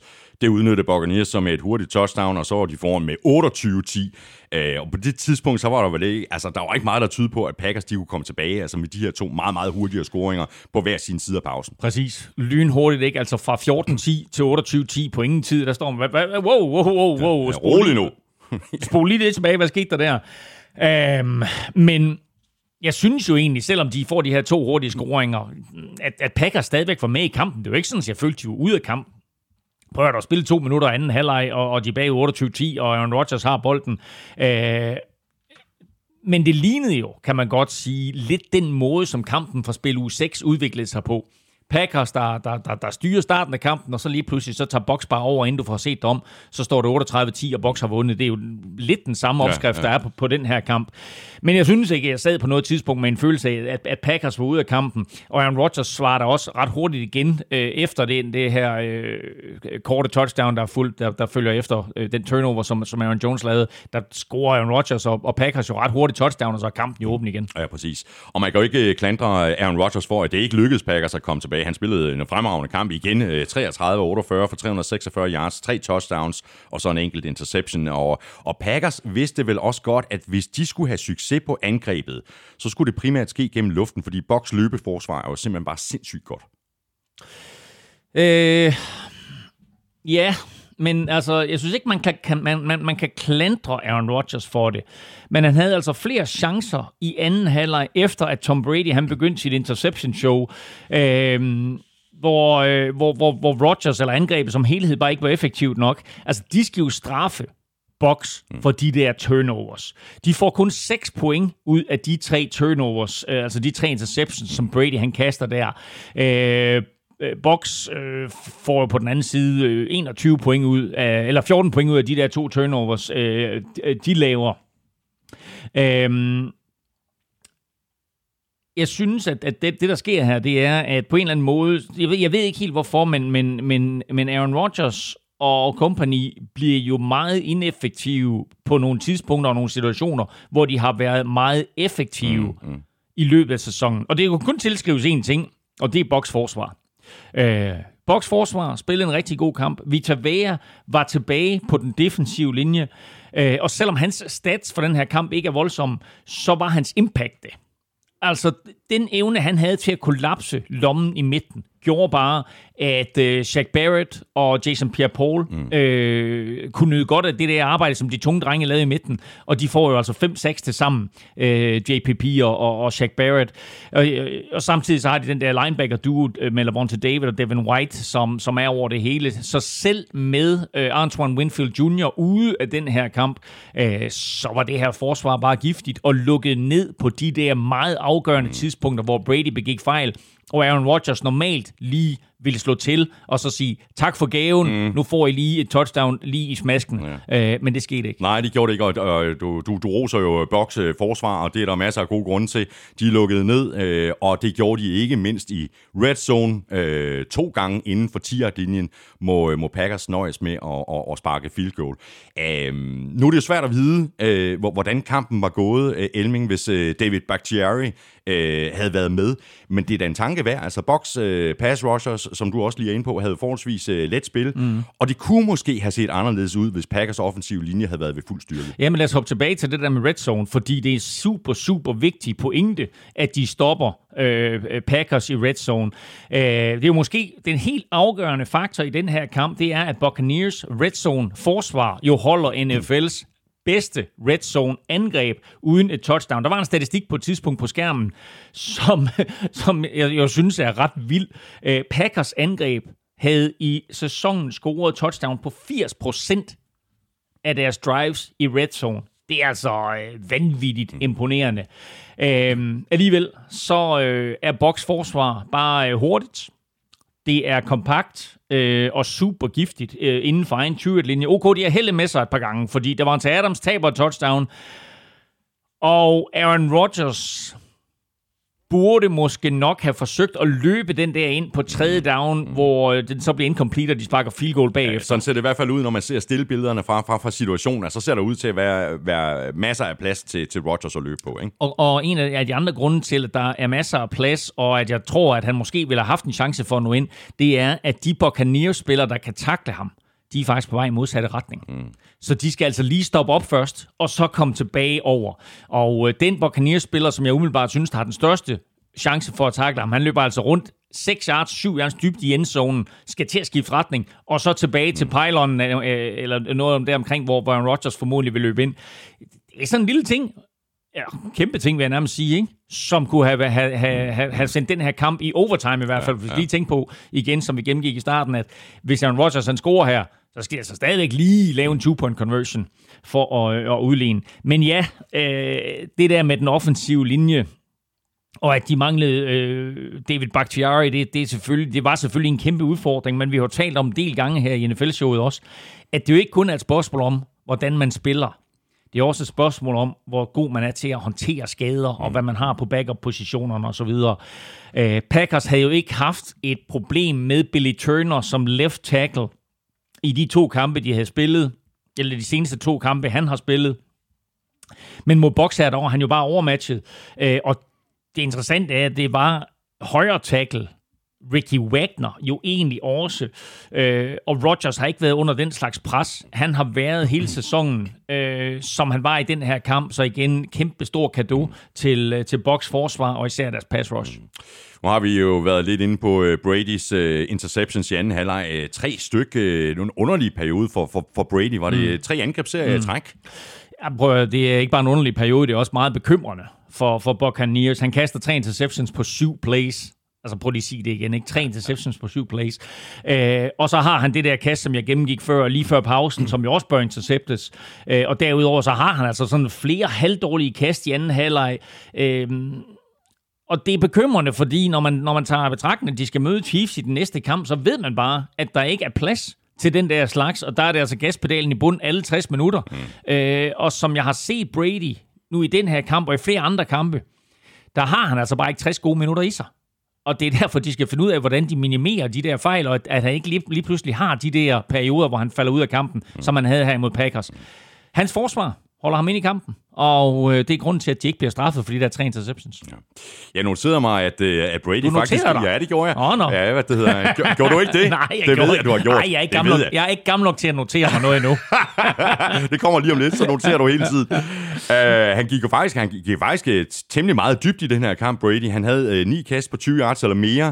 Uh, det var så også på de ni kast, at han kastede sine tre interceptions, men, men han, har da, han har da stadigvæk armen, når han får tid til at eksekvere. Jamen har han det i 60 minutter? Det, altså, jeg Nej, ved, det er det store spørgsmål. Jeg, jeg ved ikke, om det er sådan, at han får spaghetti om sådan tre kvarter ind i kampen. Men det var jo principielt kun i første halvleg, han ramte dem. Han var til gengæld mega, mega skarp i første halvleg og rammer nogle dybe outs. Og det der touchdown til, til Mike Evans, som vist i øvrigt også er hen over hovedet på Kevin King. Øh, men i anden halvleg, der rammer han altså ikke et eneste af sine dybe kast over 20 yards, og han har tre interceptions. Øh, man kan ikke argumentere med det faktum, at han står i sin 10. Super Bowl. Men undskyld mig, øh, øh, den her sejr, det kommer altså ikke på baggrund af Brady's spil. Altså, den her indsats, den var ikke meget anderledes, end hvis det er James Winston, der havde været derinde. Og havde de så tabt, øh, tabt har man sagt, det er jo også den skide James Winston, og så videre. Mm, Eller forsvaret reddede James Winston. Der er ikke nogen, der, der altså udover mig selvfølgelig, der sidder og siger, at forsvaret reddede Tom Brady, men det gjorde de jo. Øh, fordi det var ikke en god anden halvleg af ham. Nej. Men nu har Box altså vundet tre kampe i træk i slutspillet på udebane. Nu får de hjemmebane i Super Bowl. Det kan man da kalde uh, momentum. Og du har altså stadigvæk, på trods af, at Brady han laver de her brølere. Mm. Uh, der er især et kast, hvor det er helt tydeligt, han står på hælen og er sådan uh, halvt uh, bagover. Så i stedet for bare at tage sækket eller kaste mm. den ud over siden, mm. eller, så, så hammer han den dybt og tager chancen. Ikke? Det virker næsten sådan lidt uh, rookie-agtigt. Ikke? Ja, det gjorde det. Og det var, det, det var ikke godt. Nej. Men momentumet, det kan man ikke tage fra boks, og man kan heller ikke tage Bradys øh, rutine ud af ligningen, og du kan heller ikke tage hans vindermentalitet ud. Og den der vindermentalitet, han har, den smitter til de andre spillere på det her bokshold. Det gør den, og, og som du siger, nu får de hjemmebane øh, i, i Super Bowl, ikke? Og Altså, det kan jo næsten ikke lade sig gøre som et wildcard-hold øh, at få en hjemmekamp i slutspillet. Og det gør det jo principielt heller ikke for Box. Bortset fra selvfølgelig lige, at uh, Super Bowl skal spilles på Raymond James Stadium. Og dermed så kan man også sige, så, så er eventyret om den her 43-årige quarterback, der forlader sin head coach gennem 20 år for en frisk start, den er jo, det, det, det, er jo, det er jo tæt, tæt på altså, ren H.C. Andersens ja, dimensioner. Uh, nu mangler der bare lige det sidste kapitel og afslutningen, hvor det er sådan, at den her øh, quarterback her, han rider ud i horisonten med sin, øh, hvad ved jeg, Buccaneers kasket på eller et eller andet, ikke? Og så må vi gå ud fra, at uh, Antonio Brown han bliver klar til Super Bowl. Uh, som jeg forstod hans skade, så var han uh, dag til dag, og nu er der uh, lige knap uh, to uger. Han var jo ikke med her. Nej, i, uh, nej, men, men altså helt ærligt, jeg ved, jeg ved det ikke. Øh, og det er ikke rigtig noget, vi kan spekulere i, fordi lad os nu se, hvilke meldinger der kommer i løbet af de her næste 14 dage. Det er trods alt en knæskade, øh, så det er svært at vide, hvad der ligger i det, og præcis hvor slemt det er. Men det er da klart, at det vil være en opgradering for dem, øh, hvis han også pludselig kommer tilbage. Nu kommer vi selvfølgelig til at tale uh, matchuppet mellem Buccaneers og Chiefs, når vi har, har talt om Chiefs-Bills-kampen. Øh, så lad os bare lige runde øh, Packers af nu. Hvad skal de øh, fokusere på i offseason? Altså, det må gøre vanvittigt rundt at ryge ud i NFC-finalen to år i træk, og nu er der så ovenikøbet de her spørgsmålstegn omkring Aaron Rodgers. Øh, ja, og det, og det allerstørste spørgsmål er selvfølgelig, hvad Aaron Rodgers gør, øh, som vi øh, talte om i starten. Det, Altså, det, det lød ikke på, som om at han havde øh, lyst til at komme tilbage lige nu til, til en lang sæson med alt, hvad det indebærer af, af, af off-season activities og træning og, og, og træningskampe og så videre. Og nu må vi også se, hvor, hvor stor en indflydelse corona får på, på den kommende sæson. Øh, så øh, det første, der skal ske, er selvfølgelig, at de skal overtale ham til at, at, at komme tilbage, og øh, som som man kunne se, uh, Matt LaFleur, headcoachen der, altså så den måde, han udtalte sig omkring Rodgers på, der tikkede han ham jo nærmest om uh, at komme tilbage. Ja, altså ja. den måde, han gentagende gange sagde, he's our leader på. Uh, og udover det, så synes jeg jo, at, at uh, der er nogle ting, som jo godt kan forbedres uh, på det her uh, Packers-mandskab. Uh, deres... Uh, deres linebacker-situation, deres cornerback-situation, altså de skal have en god corner, corner 2 og så videre, ikke? Øhm, er, er en gigantisk udfordring. Og så må vi jo også bare øh, kigge på, at den måde Packers gik til den her sæson på, og den måde, de gik til den her draft på, det var altså ikke med fokus på, synes jeg, at vi skal vinde her nu det var med et kig ud i fremtiden. De drafter fremtidens quarterback, og de drafter en eller anden tung running back. Den der draft, den kunne de da have gjort meget mere for det her hold på kort sigt, altså apropos at hive Tom Brady til Buccaneers. Altså hvis de nu for eksempel i draften havde taget en linebacker som Patrick Queen eller Kenneth Murray, det vil da i den grad have opgraderet deres mandskab. Eller hvad mener de der mange dygtige receiver? Nu trader de i forvejen op for Jordan Love. Hvorfor kan de så ikke trade op for, lad os nu sige, at de har været heldige at ramme Justin Jefferson? Eller for en sags skyld, øh, taget øh, en af de der receiver, der faldt i, i anden runde, en Michael Pittman i, i Colts, eller en T. Higgins. Øh, altså, der, der var så mange øh, spillere, de kunne have gjort det klogere med at hive ind, end den draft, de gjorde her. Så den draft, de havde i april, synes jeg faktisk godt, man kan tillade sig at sige, har en lille bitte smule af skylden for, at det gik dem på den måde i NFC-finalen, som det gjorde. Packers har haft en øh, fantastisk sæson, men nu er det altså slut. De har pick nummer 29 i årets draftbox. De er videre til Super Bowl, hvor de altså møder Chiefs, og det matchup, det taler vi selvfølgelig meget mere om, når vi har talt Chiefs Bills. For the touchdown! Wow! Ugen spiller præsenteres af Tafel.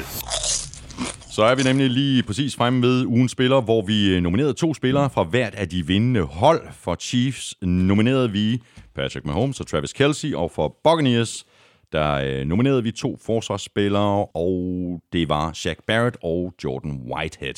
Det blev et øh, super close race nedefra, fik Jordan Whitehead 21% af stemmerne, Shaq Barrett fik 24%, Travis Kelsey fik 26%, og Mogens fik 29%. Oh, wow. Jeg kan ikke minde så til den afstemning. Nej. Det kan jeg faktisk ikke. Øhm, hvem sagde du? Altså Mogens med 29% vandt? Ja. ja. Men prøv at det var også... Og altså, Kelsey fik 26, ja. og Barrett fik 24, ja. og Whitehead 21. Ja, men altså, jeg synes stadigvæk, det er fedt, at der er 21 procent, der stemmer på Whitehead, fordi de godt er klar over, at de to plays der, men den, det ene, den ene fumble fik uh, Packers jo selv fat i, men den anden fumble, det er jo den, der, der er med til, at, at, uh, at Buccaneers de får mm. det der touchdown i starten af anden halvleg. Uh, hvor vigtige de ja. to plays faktisk var. Så uh, en, en stor indsats af ham også til betragtning af, at Antonio uh, Antoine Winfield Jr. ikke var med. Elming, du er... Lykkeskud ind. Goddess of Happiness. Exakt. Godt. Og jeg trækker en vinder her. Og der står Patrick Mogens med Å. Det har vi, Det alligevel, det, har, det har vi alligevel aldrig haft før. og dermed så sidder Christoffer i Aarhus nok og siger, Det er mig! det er mig, og det er det. Stort tillykke til dig, Christoffer Dybdal Sterndorf. Øhm, jeg sender dit navn og adresse videre til Rookie Helle på tafel, og så tager hun sig af resten.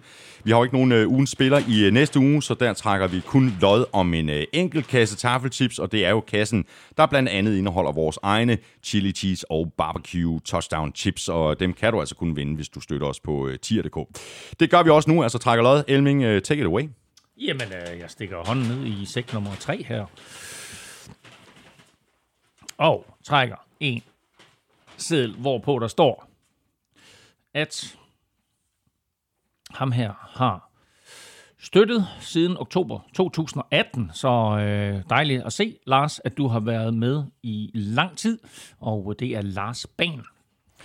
Lars Ban, øh, stort tillykke til dig, øh, og kæmpe, kæmpe stort tak for din øh, langvarige støtte på tier.dk, og øh, tak til alle andre, der også støtter os. Og øh, Lars, øh, du får en øh, mail fra mig lidt senere i dag. Når jeg så har fået din øh, postadresse retur, så sender jeg oplysningerne videre til øh, Tafel, hvor Rookie Held så øh, tager sig af at pakke øh, den her kast til dig. Vi gør det igen næste uge. Støt os på tier.dk, så har du givet dig selv chancen. Hver fem, du støtter os med, giver dig et lod i lodtrækningen.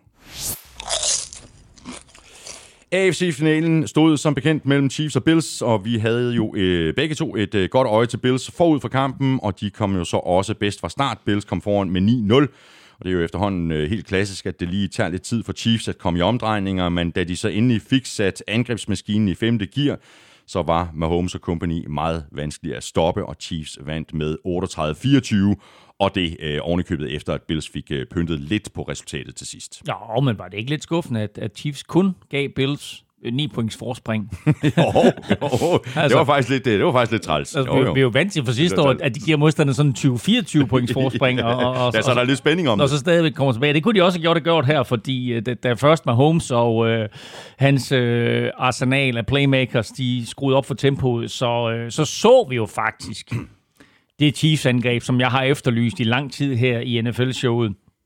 Uh, Bills scorede de første 9 point, og de scorede de sidste 9 point, og øh, så tabte de ellers resten af kampen 38-6. Ja.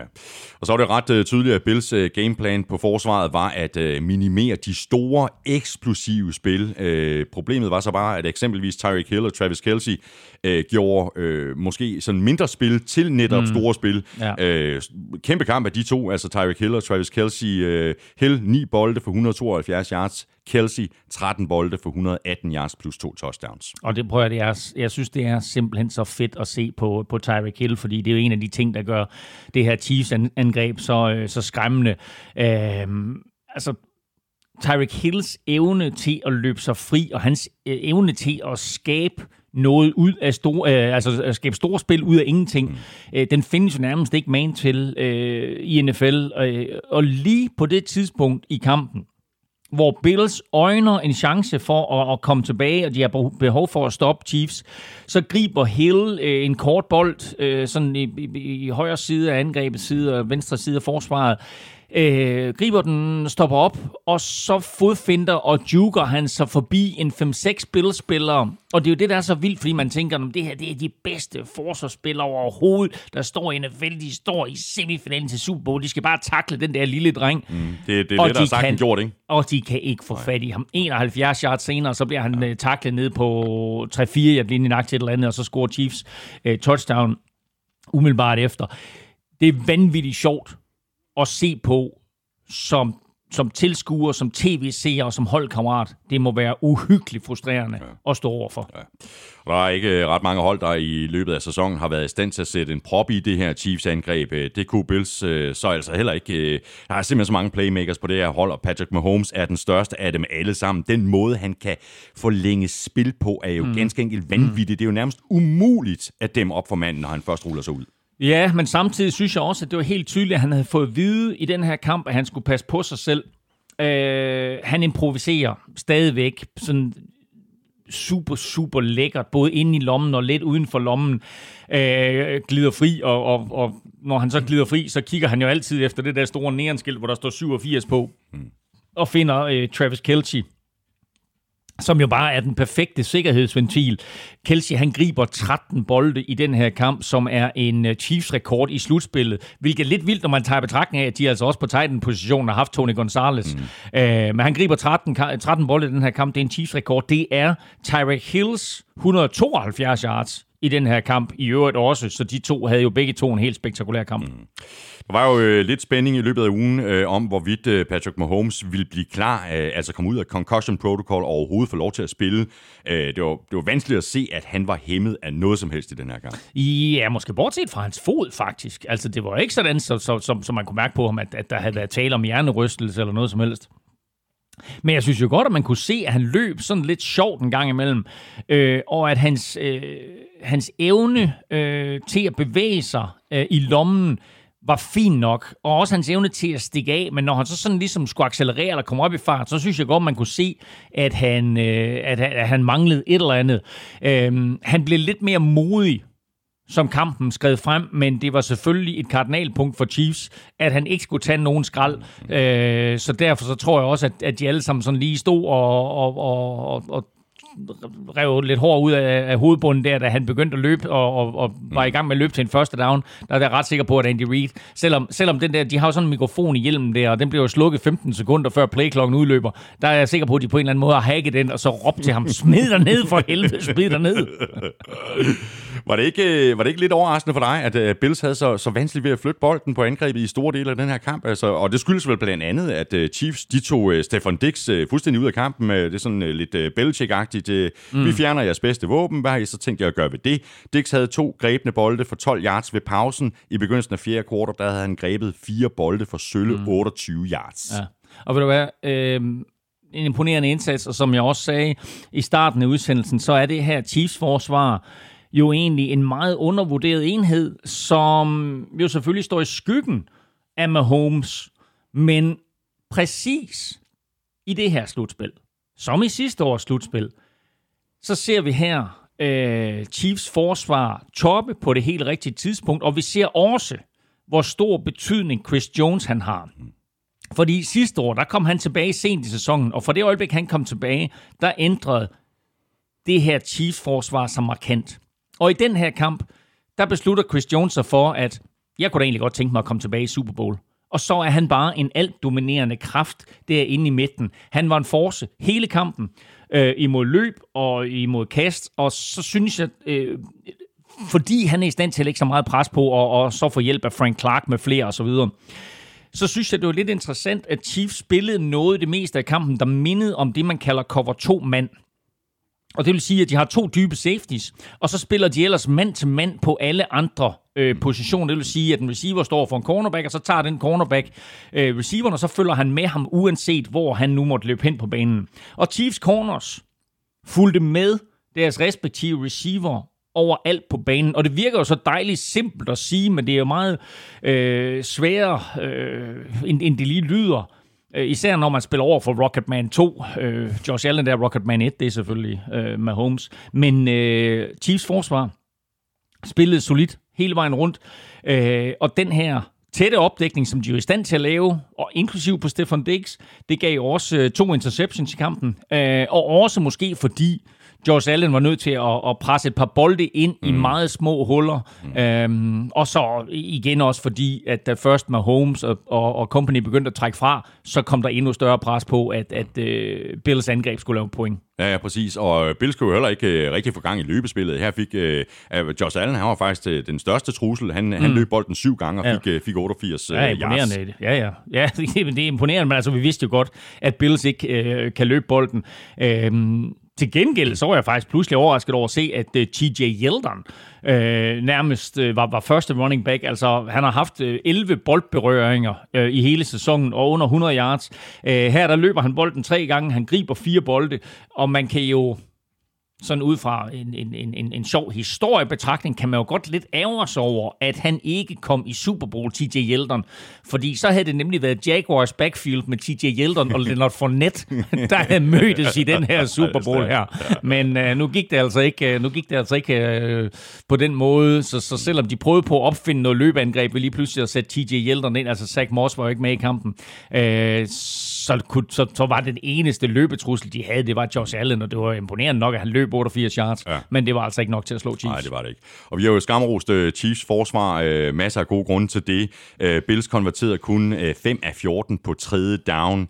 Uh, de fik også sækket Josh Allen mm. fire gange, og de fire sacks medførte et tab på 53 yards. Uh, og her skal Allen vel også blive bedre til enten at spide bolden væk, eller, eller tage sækket med det samme, i stedet for at insistere på at forsøge at få et eller andet til at ske. Ja, og Fordi der- det blev nogle dyre yards. Jamen, det der. gjorde det, og det, og det var faktisk et kæmpe problem for Bills, øh, at Josh Allen han stolede så meget på sin, på sin egen evne til at, at slippe ud af pres, øh, fordi han har lavet nogle store spil hele sæsonen igennem, men når Chiefs de fik presset ham, så i stedet for at, at kaste bolden væk, øh, så trak han tilbage, mm. og blev ved med at trække tilbage, og, og, og prøvede sådan, du ved, jeg tænkte, Nå, men du ved, jeg kan også lave sådan med Holmes, hvor jeg trækker 13 yards tilbage, og så fyrer en eller anden bombe afsted, men alt var jo dækket op nede af banen, øh, så når Chiefs de først øh, havde ham lukket inde, så gav de ikke slip, og de tillod ham ikke at slippe væk, og, og, og så var han jo dum nok til, som sagt, ikke at, at, at slippe bolden, øh, og det medfører så nogle, nogle øh, syge sacks undervejs på 15 yards, 10, 10 og 18 yards.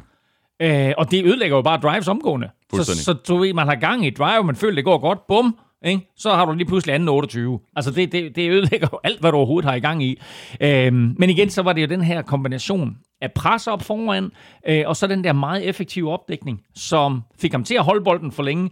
Øh, og når han så en enkelt gang imellem forsøgte at ramme Dix dybt, jamen så var Dix løbet ind i en, ja. i en dobbeltopdækning. Ja.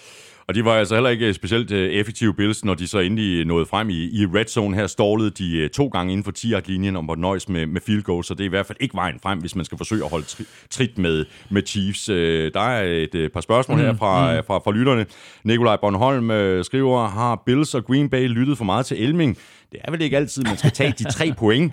Og Jesper Skov Madsen skriver, nu er der Claus er fortaler for at tage pointene, der ligger der. Synes han så, Bills valg med at sparke field goals var rigtigt?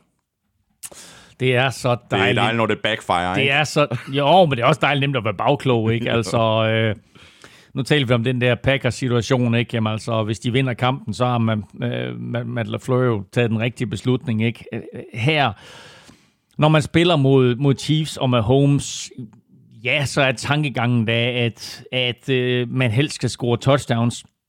Men jeg kan da også godt forstå tankegangen om at komme derfra med point, mm. om at komme derfra med en god følelse, om trods alt at være på tavlen, i stedet for at du kommer derned, og når du så har brugt fire downs, så står der stadigvæk 0 point. Udfordringen er selvfølgelig, at når Mahomes han så får bolden tilbage, så kører han ned ad banen og scorer syv, så scorer du tre, så scorer de syv. Det, det kan hurtigt blive en udfordring. Men jeg kan da sagtens forstå det der med, at man mentalt som coach og som spiller og som hold bare gerne vil have, at der ryger point mm. på tavlen. Men var han for konservativ, Sean McDermott? Blev han for forsigtig I med de field goals? Altså, bagklogskabens ulideligt klare lys, ja. Der, nej, du står i en situation, hvor hvis du går ind til kampen, når du har besluttet dig for, vi går efter den. Fair nok, så er det en beslutning, du har taget på forhånd. Mm. Men når du står i en kampsituation, og du lige der skal mærke, hvordan føles det her, så kan det godt være, at de følte, vi tager de tre point. Det er det bedste valg for os lige nu, det er at tage de tre point. Det er da så dejligt nemt for alle dem, der skriver spørgsmål ind, og for os, der sidder og skal analysere det, og for alle andre, der mm. skal skrive om det og så videre, og kunne sætte sig ned og så tænke, ah ja, var det klogt? Nej, de tabte kampen, det var sgu nok ikke skide klogt. Det er en helt anden følelse at stå der i situationen. Og jeg kan da godt forestille mig, at uanset hvad de har tænkt, inden de går ind til kampen, så sker der bare nogle ting. For eksempel, nu springer vi lige tilbage til Packers-kampen igen. Mm-hmm. Det der med, at du står på box 8 linje bruger tre downs og får 0 yards.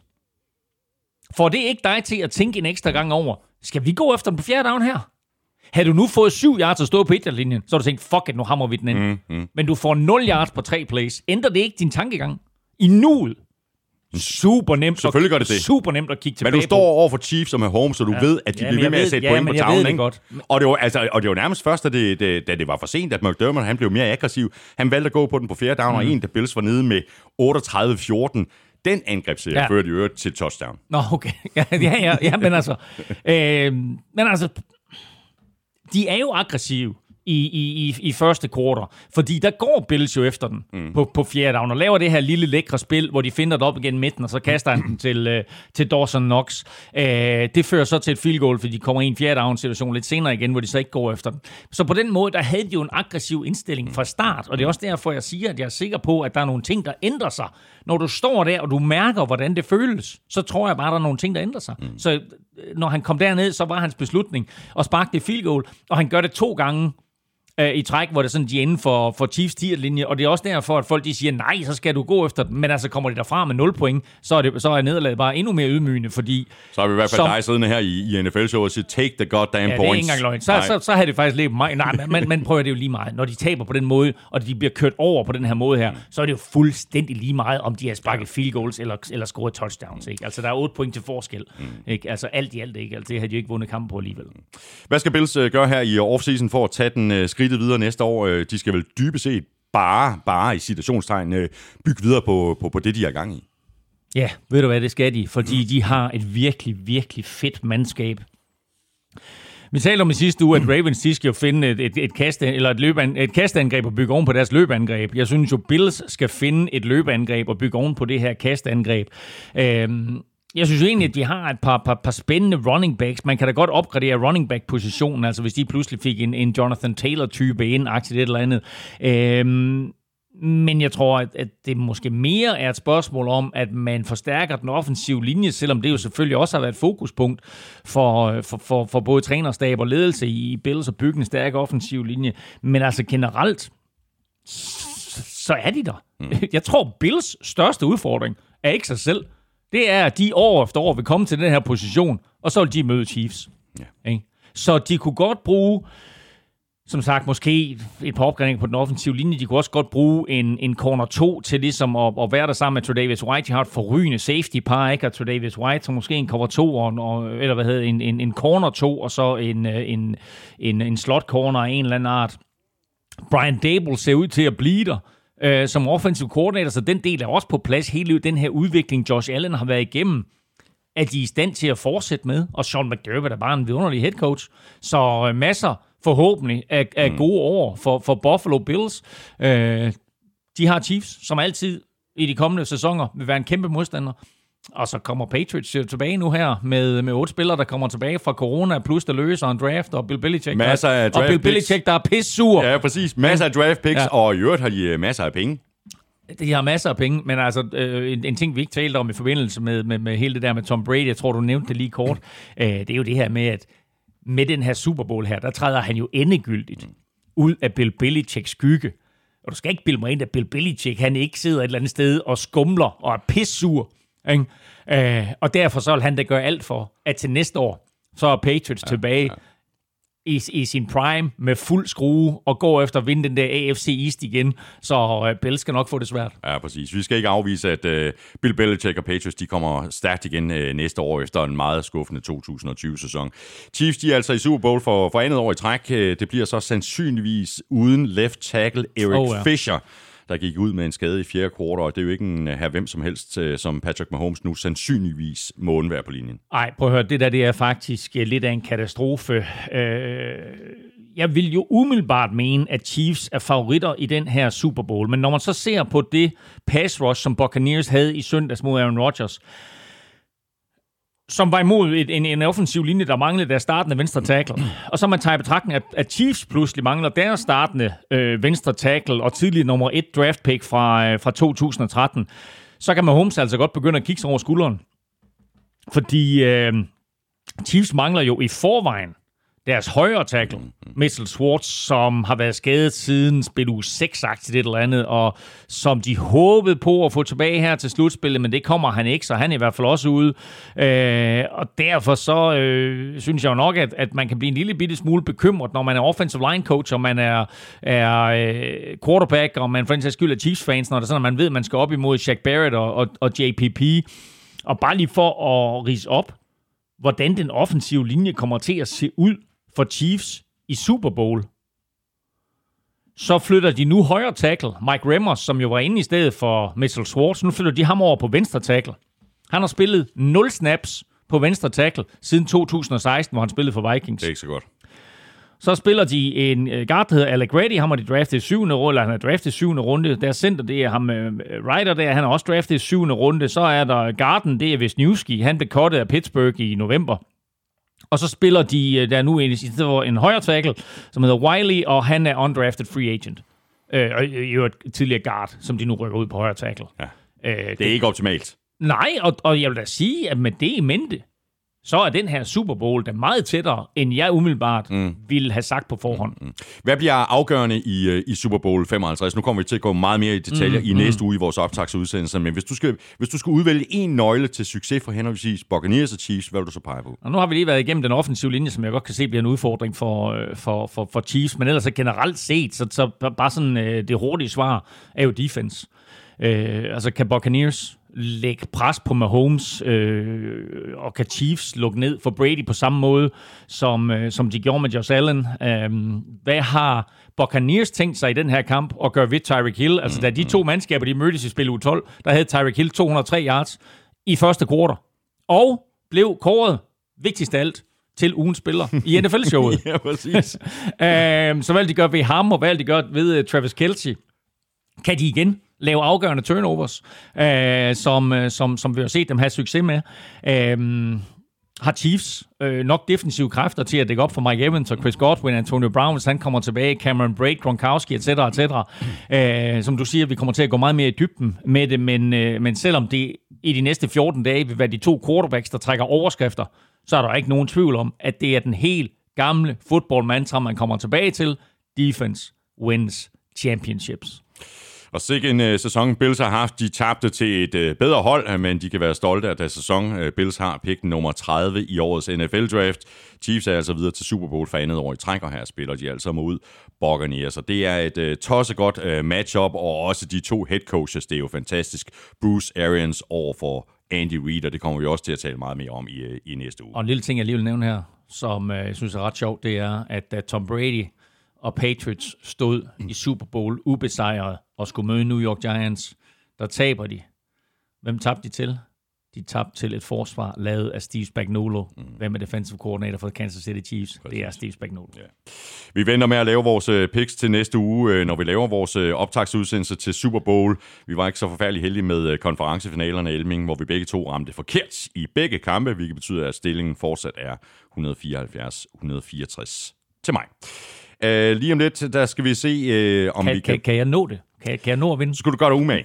Skulle, skulle, jeg tror, du skal stramme ballerne.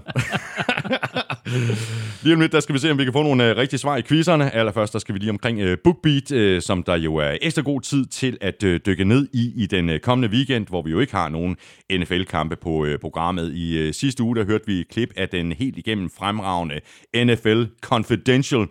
I dag er det ikke en lydbog, vi tager fat i. Jeg tror faktisk, den findes som lydbog, men øh, derimod en e-bog, som, øh, som virkelig er værd at læse, og det er bogen, der hedder Touchdown 100 år med NFL, som er skrevet af Jeppe Dong Abrahamsen, som mm. jeg mener sidder på øh, politikken. Ja, og har fulgt NFL i rigtig, rigtig mange år. Øh, Jeppe var ikke særlig gammel, da jeg kom i kontakt med ham første gang, øh, og har bare altså er kæmpe, kæmpe NFL-fan, og, og har øh, nørdet NFL, øh, siden han var jeg vel, vel sagtens 14-15 år gammel, og det har også udmyndtet sig i, at, at han har en enorm stor viden, og når han så samtidig øh, researcher sig frem til øh, alle de sjove, øh, finurlige ting, der er sket i NFL's historie, øh, siden så dagens lys der på en parkeringsplads i, i, i Ohio i, i 1920, øh, så bliver det her bare et, et, et fedt og dirt værk, som, som tager læseren helt tilbage fra dengang, og så op øh, igennem alle de her ting, der, der er sket i, i nullerne og tierne, inklusive øh, øh børskrak og øh, hvad hedder det, 9-11 og så videre. Øh, bogen er desværre udgivet lige før corona, så den del får vi jo ikke med, men ellers så er det her faktisk et super, super fedt værk, og jeg skrev faktisk selv en anmeldelse af bogen inde på, på Gud Klud, så den kan man øh, stadigvæk øh, gå ind og, øh, og finde sig. Hvis man søger på anmeldelse inde mm. på Gud Klud, så, så kommer den frem. Uh, men den kan man altså læse i øjeblikket på BookBeat. Jeg talte kort med Jeppe, og han sagde, at den var faktisk spiket, så den uh, spiket udgave mm. må også snart komme på BookBeat. Og touchdown øh, 100 år med øh, NFL ligger altså på BookBeat, som du kan få øh, gratis adgang til i en hel måned, hvis du signer op på bookbeat.dk-nfl. Der er både lydbøger og e-bøger, og du kan selv vælge, om du vil downloade eller streame dem på din mobiltelefon eller tablet. Der er over 200.000 titler at vælge mellem, så der er rigeligt at, at gå i gang med. BookBeat tilbyder tre forskellige pakker.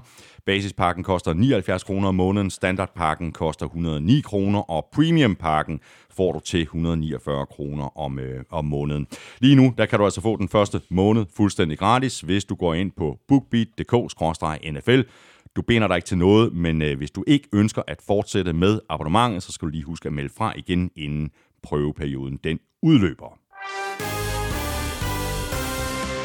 Vi skal have quizzen. Åh, Det er tid til quiz, quiz, quiz, quiz, quiz. Og quizzerne, Claus Elming, de præsenteres jo i samarbejde med TyCube. Dit game day måltid. Exactly. Tjek Facebook for denne uges konkurrence. Den er røget op øh, på, på Facebook, mens vi sad og optog, ikke? ja, den er. Den ligger derude. Sådan der. Det er stærkt. Jeg skal også nok øh, tweete et, øh, et, et link lidt, øh, lidt senere i dag. Øhm, det er mig, der svarer først på din lortequiz, ikke? Det er ikke en lortequiz, det er en god quiz, og den er meget relevant. Og det er derfor, at du skal, du skal tænke dig virkelig godt om, når jeg siger, at den er relevant. Nej, Jo. jeg gider ikke tænke godt Nå, nej, men så lad være, okay. Nå, der er en frygtelig, frygtelig masse quarterbacks, der har vundet Super Bowl. Ja. De fleste af dem er draftet i første runde, men en enkelt spiller Ja. er draftet i 9. runde. Hvem Ja. er det? Altså, vi må være et stykke, øh, stykke vej tilbage i tiden, ikke? 9. runde. Ja. Altså, det var godt... Øh, må se. Ej, ja, du, ja, du får ikke mere hjælp. Du har overhovedet ikke givet mig nogen hjælp! jo, jeg har, så jeg sagde, okay, det er relevant, så siger jeg så godt, han... Øhm, Det er relevant. Det er fordi, at øh, blev det, er en draftet- han- tidligere, det, er en, det er en tidligere øh, Chiefs-spiller eller en Buccaneers-spiller? eller han øh, ja. Og han blev draftet af Minnesota Vikings. Og han... Ah, Nå, ah, så ved jeg det godt. Nå, så ved jeg det godt. Ja, øh, det var Brad Johnson. Det er lige nøjagtigt Brad Johnson. Hvorfor er det relevant? Ja, fordi han øh, vandt jo Super Bowl med Buccaneers. Han var quarterback i den der Super Bowl Exactly. 37 med Buccaneers. Ah, det var ikke på ryggen af ham, at de vandt. Det var det ikke, men det var heller ikke... Øh, altså, han var den, den typiske quarterback, du ved, du sætter ind, som ikke begår fejl, mm. og som bare sørger for at lade forsvaret vinde kampen. Han var god, og man skal slet ikke kimse af, hvor god Brad Johnson egentlig var, og hvor godt han spillede for det der Buccaneers-mandskab.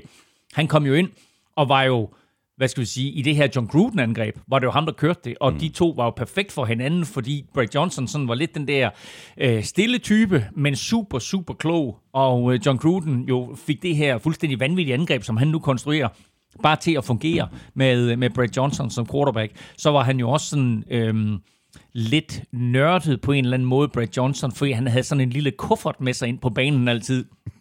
Og i den kuffert, der var der de ting, han nu skulle spise undervejs i kampen. Så var der rene sokker, og så var der, du ved, sådan, du ved, alt var legnet op, du ved, så han altid stod spot clean, ikke? Du ved, så han kunne lige, du ved, sidde og skifte sokker, hvis der, nu, hvis der nu lige var kommet noget græs på sokkerne, så sad han lige og skiftede sokker. Men han tog, ikke, han tog ikke kuffert med ind på selve banen. Det gjorde han.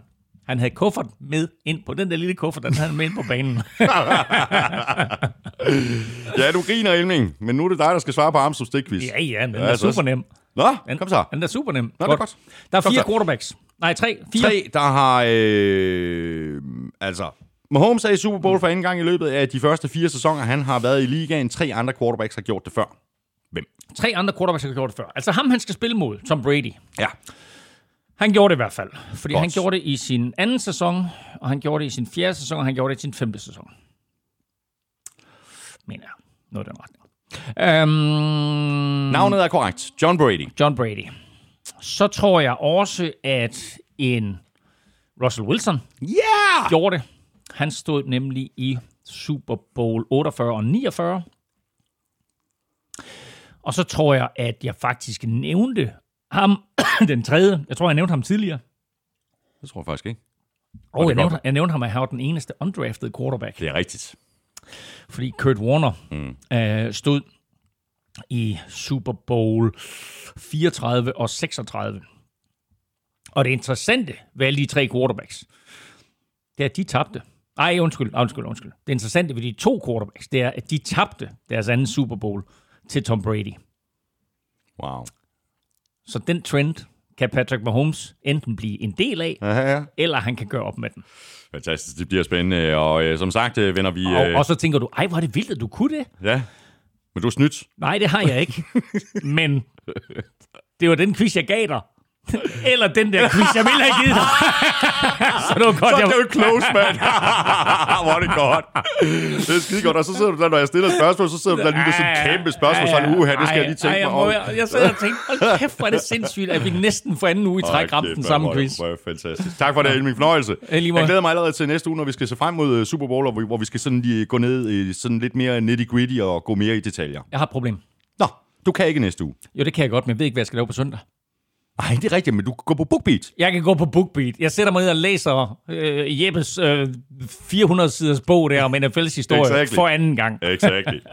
Godt, og tak til dig, fordi du har lyttet med. Hvis du øh, synes om det, vi laver, så kunne du overveje at stikke os en anmeldelse og nogle stjerner et af de steder, det er muligt. For eksempel i iTunes. Og så skal du ikke øh, høre et øh, ondt ord, hvis du signer op på øh, tier.dk og støtter os med et øh, valgfrit beløb, hver gang vi uploader en ny episode. Det er der lige nu 662 gode mennesker, der gør, og tusind tak til hver og en af jer. Tier.dk er altså adressen. Du kan også støtte ved at trykke på linket øverst på nflshow.dk. Det ligger lige ved siden af linket til shoppen, som du også finder på nflshow.dk-shop. Der er masser af fede NFL-showet ting derinde, og der kommer nye ting til hele tiden. Stort tak til vores gode venner og faste samarbejdspartnere fra Tafel og vores nye venner fra Charbroil og BookBeat. Støt dem, de støtter nemlig os. Følg Elming på Twitter på snablag NFLming. Mig kan følge på snablag Thomas Kvartrup, og så kan du følge showet på både Twitter og Facebook. Det er der, du kan kommentere og stille spørgsmål, og det kan du også på mail snablag nflshowet.dk. Det var, hvad vi havde i dag. Vi høres ved i næste uge. NFL-showet er produceret af Kvartrup Media, der også producerer Danmarks suverænt største podcast om dansk politik. Det er den, der hedder Porn Unplugged, og som jeg laver sammen med politisk kommentator Lars Trier Mogensen. Vi er tilbage på fredag. Elming og drengene på Villeuropa er også tilbage med meget mere cykelsport, og så er Elming og jeg altså tilbage med en ny omgang NFL-showet næste tirsdag. Ha' det rigtig godt så længe. Hot odds. Giv du, giv du godt slet den der. Bare slet den. Altså, hvad for en? Altså den her? Slet, slet den. Jeg, prøver, jeg, Slet prøver, den! jeg prøver at slette den. det er hver gang, hver gang jeg prøver at slette.